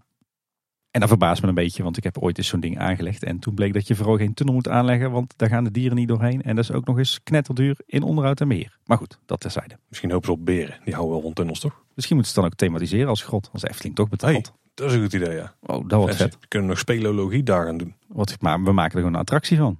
Dieren zijn maar bijzaak, die gaan er toch niet doorheen. Hey, dat past dan mooi in de wereld van de Efteling. Hoppa. En een gouden plan hier. Waarom zitten wij niet in die projectgroep? Ja, voorheen een jungle en nu gewoon een grottenstelsel. Ja, dat is nog beter. Nou, die kan meteen gaan bouwen dan. Nou, nu budget. hey, daar zijn we bij je en dan is dit aangekomen. Marjolein, ik vind dat jij mag aftrappen. Maar Marjolein zit inmiddels totaal uitgeblust uh, in He, de stoel. Hè, wat? Ja. ja, nou, ik kom uh, dus uit een dorpje um, gelegen in Brabants Kempen. En ik ben echt trots inwoonster van de Brabants Kempen. Allemaal dorpjes uh, die in een groene omgeving, zeg maar, liggen onder Eindhoven tegen de Belgische grens aan. Brabantse Kempen hoor ik ook regelmatig in de Efteling langskomen is dat ook alweer? En het Limburgse platteland. Ja, ook vlakbij uh, Abdij van Postel uh, woon ik. Dus, Wisten wij. Uh, wisten wij. Ik moet er alleen nog een keer heen als ik dat wil. Maar nee, um, zonder gein. ik kan wel een heel betoog houden over hoe mooi het gebied daar is en wat je er allemaal kunt doen. Je kunt uh, hele mooie campings bezoeken met, als je jonge kinderen hebt. Je hebt er ook echt uh, grote bekende festivals normaal gesproken. Uh, voor of na corona, zeg maar. Maar laat ik dat niet doen, want de aflevering duurt denk ik lang genoeg. Maar um, had ik wel iets, iets voor jullie meegenomen natuurlijk. Oh. als dankje dat, dat ik hier mocht aanschuiven. Ik vond het hartstikke leuk een hartstikke leuke avond. En um, nou weet ik dat jullie heel erg fan zijn van Schrobler, uiteraard. En ik weet ook dat niks daaraan kan tippen. Maar misschien dat het nipperke, de enige echte het nipperke, de smaak van de Kempen, daar toch, uh, nou in ieder geval voor wat uh, uh, afwisseling kan zorgen. Het is wel veel zachtere smaak. Het is ook een liqueur. Nog zachter? ja, nou ja, uh, Schrobler is natuurlijk iets kruidiger. En de, dit is denk ik wel iets, iets zachter, iets zoeter. Oeh. Ja, misschien zo af en toe voor de afwisseling dan uh, kan het misschien wel iets zijn. En dan heb je toch iets van de Brabantse Kempen echt geproefd. De smaak van de Kempen. Dankjewel, da ja. dankjewel, dankjewel. Ik, zag, ik zag al wat kaneelstokjes op de verpakking staan. Dus dat komt wel goed. Dat lusten wij wel. Ja, dank je. Die gaat zeker smaken. Ja, ja wij, wij, wil, wij gaan jou nog niet bedanken, Marjolein. Dat okay. houden we voor het eind van de aflevering. Heb je eigenlijk de spannende vakantieplannen? Of ga je nog pretparken bezoeken of dierentuinen? Nou, ik moet zeggen, ik, ik zal wel voornamelijk uh, de Efteling uh, te vinden zijn. Omdat uh, ik nu pas weer een beetje erin begin te komen, zeg maar. ik, ik krijg nu weer wat tijd en lucht om, om ervan te kunnen genieten. Dus ik ben vooral in de Efteling te vinden. Maar ik ga natuurlijk ook wel uitstapjes maken naar de Beekse Bergen en het Overland. En um, verder is Eerselse kermis is, uh, is ook weer bijna van start. Ja, ja, wij hebben ook een kermis in ons dorpje. Nou, ik vind dat wel de kaatsheuvel erin heeft overigens. Nee, dus maar en wij gaan nog naar de Veluwe uh, op vakantie, maar verder uh, nog niks spannends. Nee, maar dan woon jij dus in de Zeven Zaligheden. De achtzalig. De achtzaligheden. Ah, kijk. Daar ik ben net wakker hoor. Ja, ja, ja. Leuk joh. En, en dan ga je denk ik natuurlijk ook weer volop foto's op je Instagram plaatsen, toch? Ja, precies. Ja, daar wil ik wel weer echt gaan oppakken. Kijk, Eerst een paar uh, bezoekjes gehad, gewoon uh, echt even voor de, voor de fun, zeg maar. En uh, nou ga ik het eigenlijk wel lekker fotograferen. Top. Hey, en Paul, ik zit hier nou al een, een tijdje achter mijn, mijn laptop uit 1838 en ik kijk naast mij en ik zie hier wel een heel indrukwekkend bouwsel. Wat is dat? Wat heb jij gemaakt? Nou, dit is een, een Lego bouwsel, maar daar heb ik zelf verder niet verzonnen. Het is gewoon een set die ik heb gekregen voor Vaderdag. Ja, ja. Je hebt hem zelf gekocht. Ik heb daar zelf helemaal niks mee te maken gehad. uh, van uh, de, de Haunted House. Ik heb geen idee wat ik zetnummer of zo het is. Maar ik, ik vond die uh, zeer interessant. Want eigenlijk is het een soort kruising tussen de Tower of Terror en Mystic Manor. die hebben ze een beetje samengevoegd. Er zit een heel verhaal achter over een Explorer. Blijkbaar allemaal te maken met oude Lego sets die ik dan nooit heb gehad vroeger. die allemaal artefacten uit heel de wereld heeft verzameld en die in een huis heeft geplaatst. Maar dit is echt opgebouwd als een teamparkattractie. Dus je, het idee is echt dat daar bezoekers heen gaan en dat daar dus wat mensen zijn die een speel doen. Eh, maar dat je dus ook al die artefacten kunt zien. Dat stel ik me een beetje voor als de wacht, wachtrij, maar die heb je niet echt. Uh, overigens ook helemaal uh, voor minder valide geschikt. Hè? Dus met de rolstoel kun je er ook doorheen en zo. En er zit dan een, in het midden centraal zit een, een, een liftschacht. Met een lift, liftbakje erin dus. En dan kun je dus poppetjes ook inzetten. In principe met de hand kun je hem omhoog draaien. Dan gaat hij echt een centimeter of 60 of zo omhoog. En dan gaat daar boven gaan deurtjes open. Kijken ze uit over, uh, ja, in dit geval mijn, mijn, studiootje, dus dat is dan niet zo heel boeiend. en dan uh, in één keer, dan vallen ze met, uh, ja, gewoon met valsnelheid in één keer naar beneden. Worden ze ook mooi afgerend door vliegwielen en zo. Dus technisch echt heel, heel tof in elkaar. Heel veel details erin. En nou, dat was wel een, een week aan, aan bouwwerk, zeg maar. Het was de grootste Lego doos die ik ooit had gezien in ieder geval. met ja. ruim 3000 stukjes aan kleine minuscule blokjes. Ja, en lieve luisteraars, neem van mij aan. Paul heeft net voorafgaand aan de opname echt als een kind zo blij aan mij laten zien wat er allemaal in die Lego set zit. Dus, uh... Kinderen en papa zijn eh, net zo blij met de set, denk ik. Dat zijn de beste cadeaus. En de beste uitjes trouwens ook. En dit is ook eh, mooi in zo'n punt waar dan Lego en pretparken samenkomen. Want het is gewoon echt een pretparkattractie. En het ding heeft zelf echt een, een pallet aan pironnetjes. Ja, zeker. Ik heb er heel veel pironnetjes zitten klussen. Ja. En hoe lang ben je hier nou mee bezig geweest? Ja, een uur weet ik het niet. Ik denk een uur of 10, 12 of zo, zoiets. Gewoon iedere keer een uurtje of zo, uh, soms anderhalf. En dan uh, gaan we weer verder. Dat vind ik nog best, best snel als ik het zo zie. Dan, ja, nee, het is best goed te doen. Maar heel vet. Ja, Mooie bezigheid met de kinderen. Ja. Ik ben blij dat ik er gewoon naar kan kijken. Het enige wat ik niet snap, hij is dus blijkbaar is een 18 plus set. Qua bouwleeftijd of zo, daar snap ik echt geen, helemaal niks van. Want met de kinderen... Een 18 plus Lego set. Ja, nee, echt waar. Het is 18 plus. Er staat keihard op de doos. Misschien ging het om het aantal onderdelen, maar ik ken niet veel sets met minder dan 18 onderdelen. Hmm. En Tim, heb jij nog dingen uitgevreten? Veel weg geweest. Veel in de Efteling geweest natuurlijk. Veel in de Beekse Berg ook om de nieuwe wandelsafari te bewonderen. En de, de Jumbo Show eh, te kijken natuurlijk met de kids. Ja, waar zijn we verder nog geweest? Nou, was wel grappig. We mochten gratis en voor niets naar Billy Bird Park Hemelrijk. Uh, voor de blog van Anne. Ik had daar echt helemaal niks van verwacht. ik was er echt niet naartoe gegaan als ik er zelf voor uh, had uh, moeten betalen. Maar ik moet zeggen, het, het, het viel mij heel erg uh, mee. Het was nog best wel leuk eigenlijk. Het is eigenlijk een soort, ja, een soort speeland Beekse Bergen. Gecombineerd met Bobbejaanland van 20 jaar geleden. Maar dan wel goed. Dus ja, eigenlijk een, een groot strandbad. Uh, maar er rondomheen best wel veel attracties. Een hele vette, vette glijbaan met van die rubberbootjes. Die echt, nou, dat was echt spectaculair.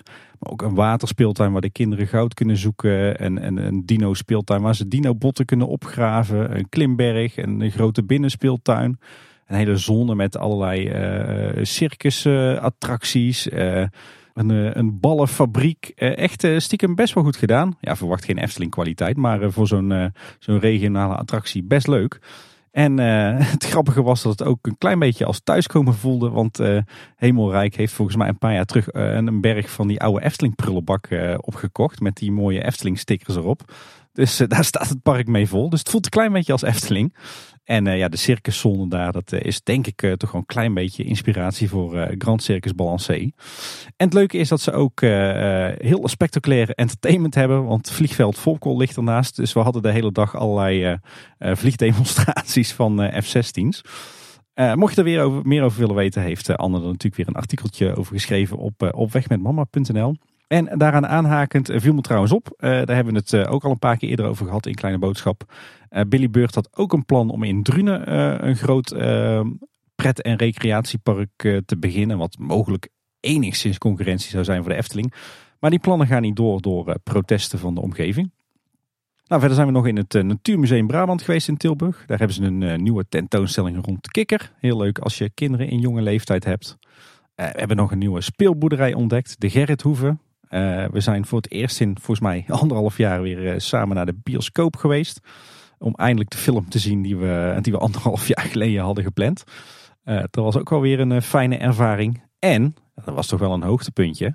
Samen met Yves, bij onze luisteraars waarschijnlijk. Ho, ho, ik weet waar het over gaat hebben Tim. Niks spoilen. Als de aflevering uitkomt, dan ben ik er ook naartoe geweest. Maar ik weet nu nog van niks en dat wil ik ook zo houden. Oké, nou dan ga ik heel kort zeggen wat het is. Wij zijn namelijk naar de Escape Room Illusion geweest. Van Epic Escape in Waalwijk. En dat is uh, de nieuwe escape room van uh, Maurice de Zeeuw. Die je natuurlijk kent van uh, de podcast Team Talk. En zijn compagnon Roy. Die heeft een keer bij, bij ons voor de microfoon gezeten bij de opname van de buitenwereld. En zij hebben een nieuwe escape room gebouwd. En Paul... Nee, ik wil gewoon niks horen. Om je vingers maar af te lekken. Heb je toch iets verklapt hè? Volgende aflevering gaan we het erover ja, hebben. Dat moet. En verder, uh, ja, vakantieplannen die blijven er ook maar komen. Van de zomer zitten we op Tessom. Uh, van het najaar, als het goed is, in Stockholm. Maar ik moet uh, met enig schaamrood op de kaak toegeven dat we vanmiddag ook nog een, een mini-vakantietje naar Brugelet hebben geboekt. Dus dan weet je waarschijnlijk wel wat we deze zomer ook nog gaan doen. Idee naar uh, Pairidaisa een paar dagjes. Ik zag het hier in het draaiboek staan, ja. uh, verder in het Brabants Dagblad nog een leuke update over uh, het groot onderhoud en restauratie van de soldaten van het land van ooit. We zullen het linkje in de show notes zetten.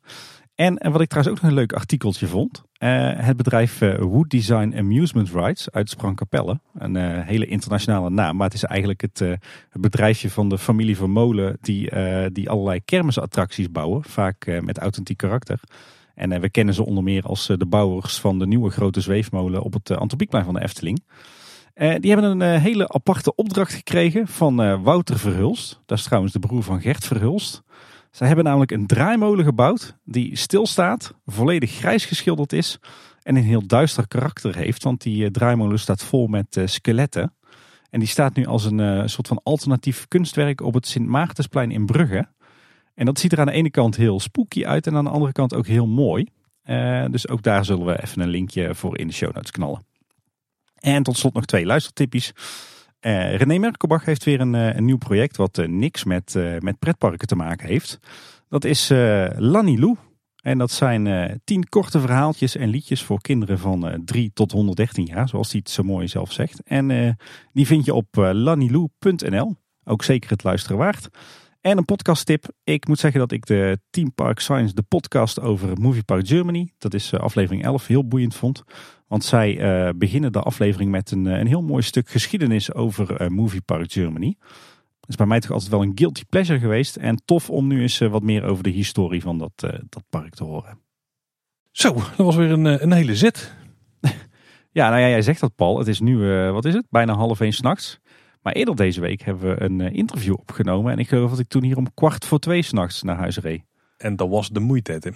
Eh, dat was absoluut de moeite waard. En het was niet eens omdat we zo laat waren begonnen. Sterker nog, we waren zelfs iets eerder begonnen. Ja, en dat was op maandagavond. Dus kan je nagaan hoe dat ik de rest van de week ben doorgekomen. Gruwelijke teaser, maar een van de...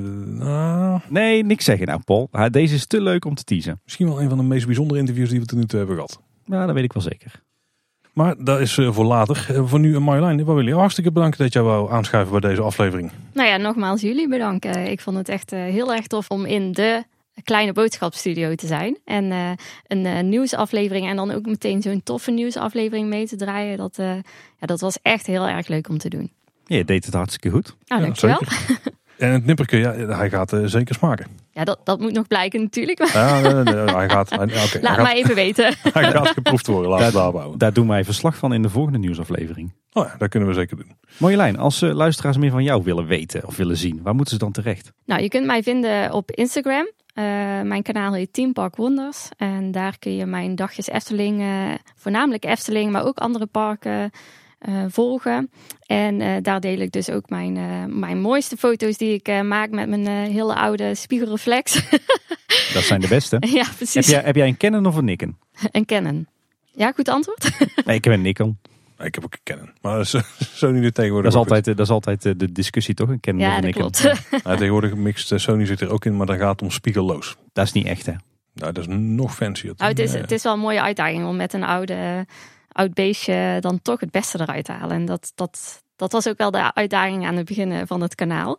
Ja, dus daar, en eh, ook op Twitter, eh, maar daar ben ik wel minder actief. eh, daar heet ik nog Efteling Wonders. Dus daar kun je mij eventueel ook vinden. Kijk, ga dat volgen. En je linkjes vind je uiteraard in de show notes. Ja, prachtige foto's. Dank je. Nou, luisteraars, heb je nou nog een vraag aan ons of wil je iets aan ons kwijt? Dan kan het bijvoorbeeld via Twitter. Wij zijn naar @kboodschap. En op Facebook en Instagram zijn we Kleine Boodschap. We hebben ook uiteraard de website. Daar vind je alle afleveringen. Die kun je daar luisteren. Daar vind je bij de afleveringen de linkjes van de show notes. En we hebben daar ook een contactformulier waar je een uitgebreide verhaal op kwijt kunt. En dan in de meeste social media platformen. Ja, en wil je nou nog uitgebreider verhaal kwijt of bijlagen, dan kan je ons ook mailen op info.kleineboodschap.com. En luister je in een podcast app, vergeet je dan zeker niet te abonneren. Heb je natuurlijk al lang gedaan, maar voor degenen die het nog zijn vergeten, geheugensteuntje bij deze. Want dan vind je iedere maandagochtend een verse kleine boodschap in jouw eh, podcastfeed. Ja, en af en toe nog een bonus op eh, de woensdag of de donderdag. Hoppatee. En luister je nou een Apple podcast, dan vinden we het altijd heel eh, tof als je daar een reviewtje wil achterlaten. Dat helpt voor het algoritme en dan kunnen andere mensen ons makkelijker vinden. Ja, en verder luister je ons ook in alle andere podcast apps op Spotify en op de website. En denk je nou, kleine boodschap, dat is tof en ik ken iemand en die gaat het ook heel tof vinden. Vertel het dan zeker aan die persoon en dan breiden we zo onze groep met luisteraars weer mooi uit. Maar ik heb wel van de week gehoord dat, eh, dat je alleen Kleine Boodschap kan luisteren als je echt Efteling-fan bent. Ja, de Belgische vrienden hebben inderdaad af en toe wel eh, gelijk. En Marjolein, nogmaals bedankt. En luisteraars, dat was weer voor deze week. Bedankt voor het luisteren. Tot de volgende keer en houdoe. Houdoe waar. Houdoe.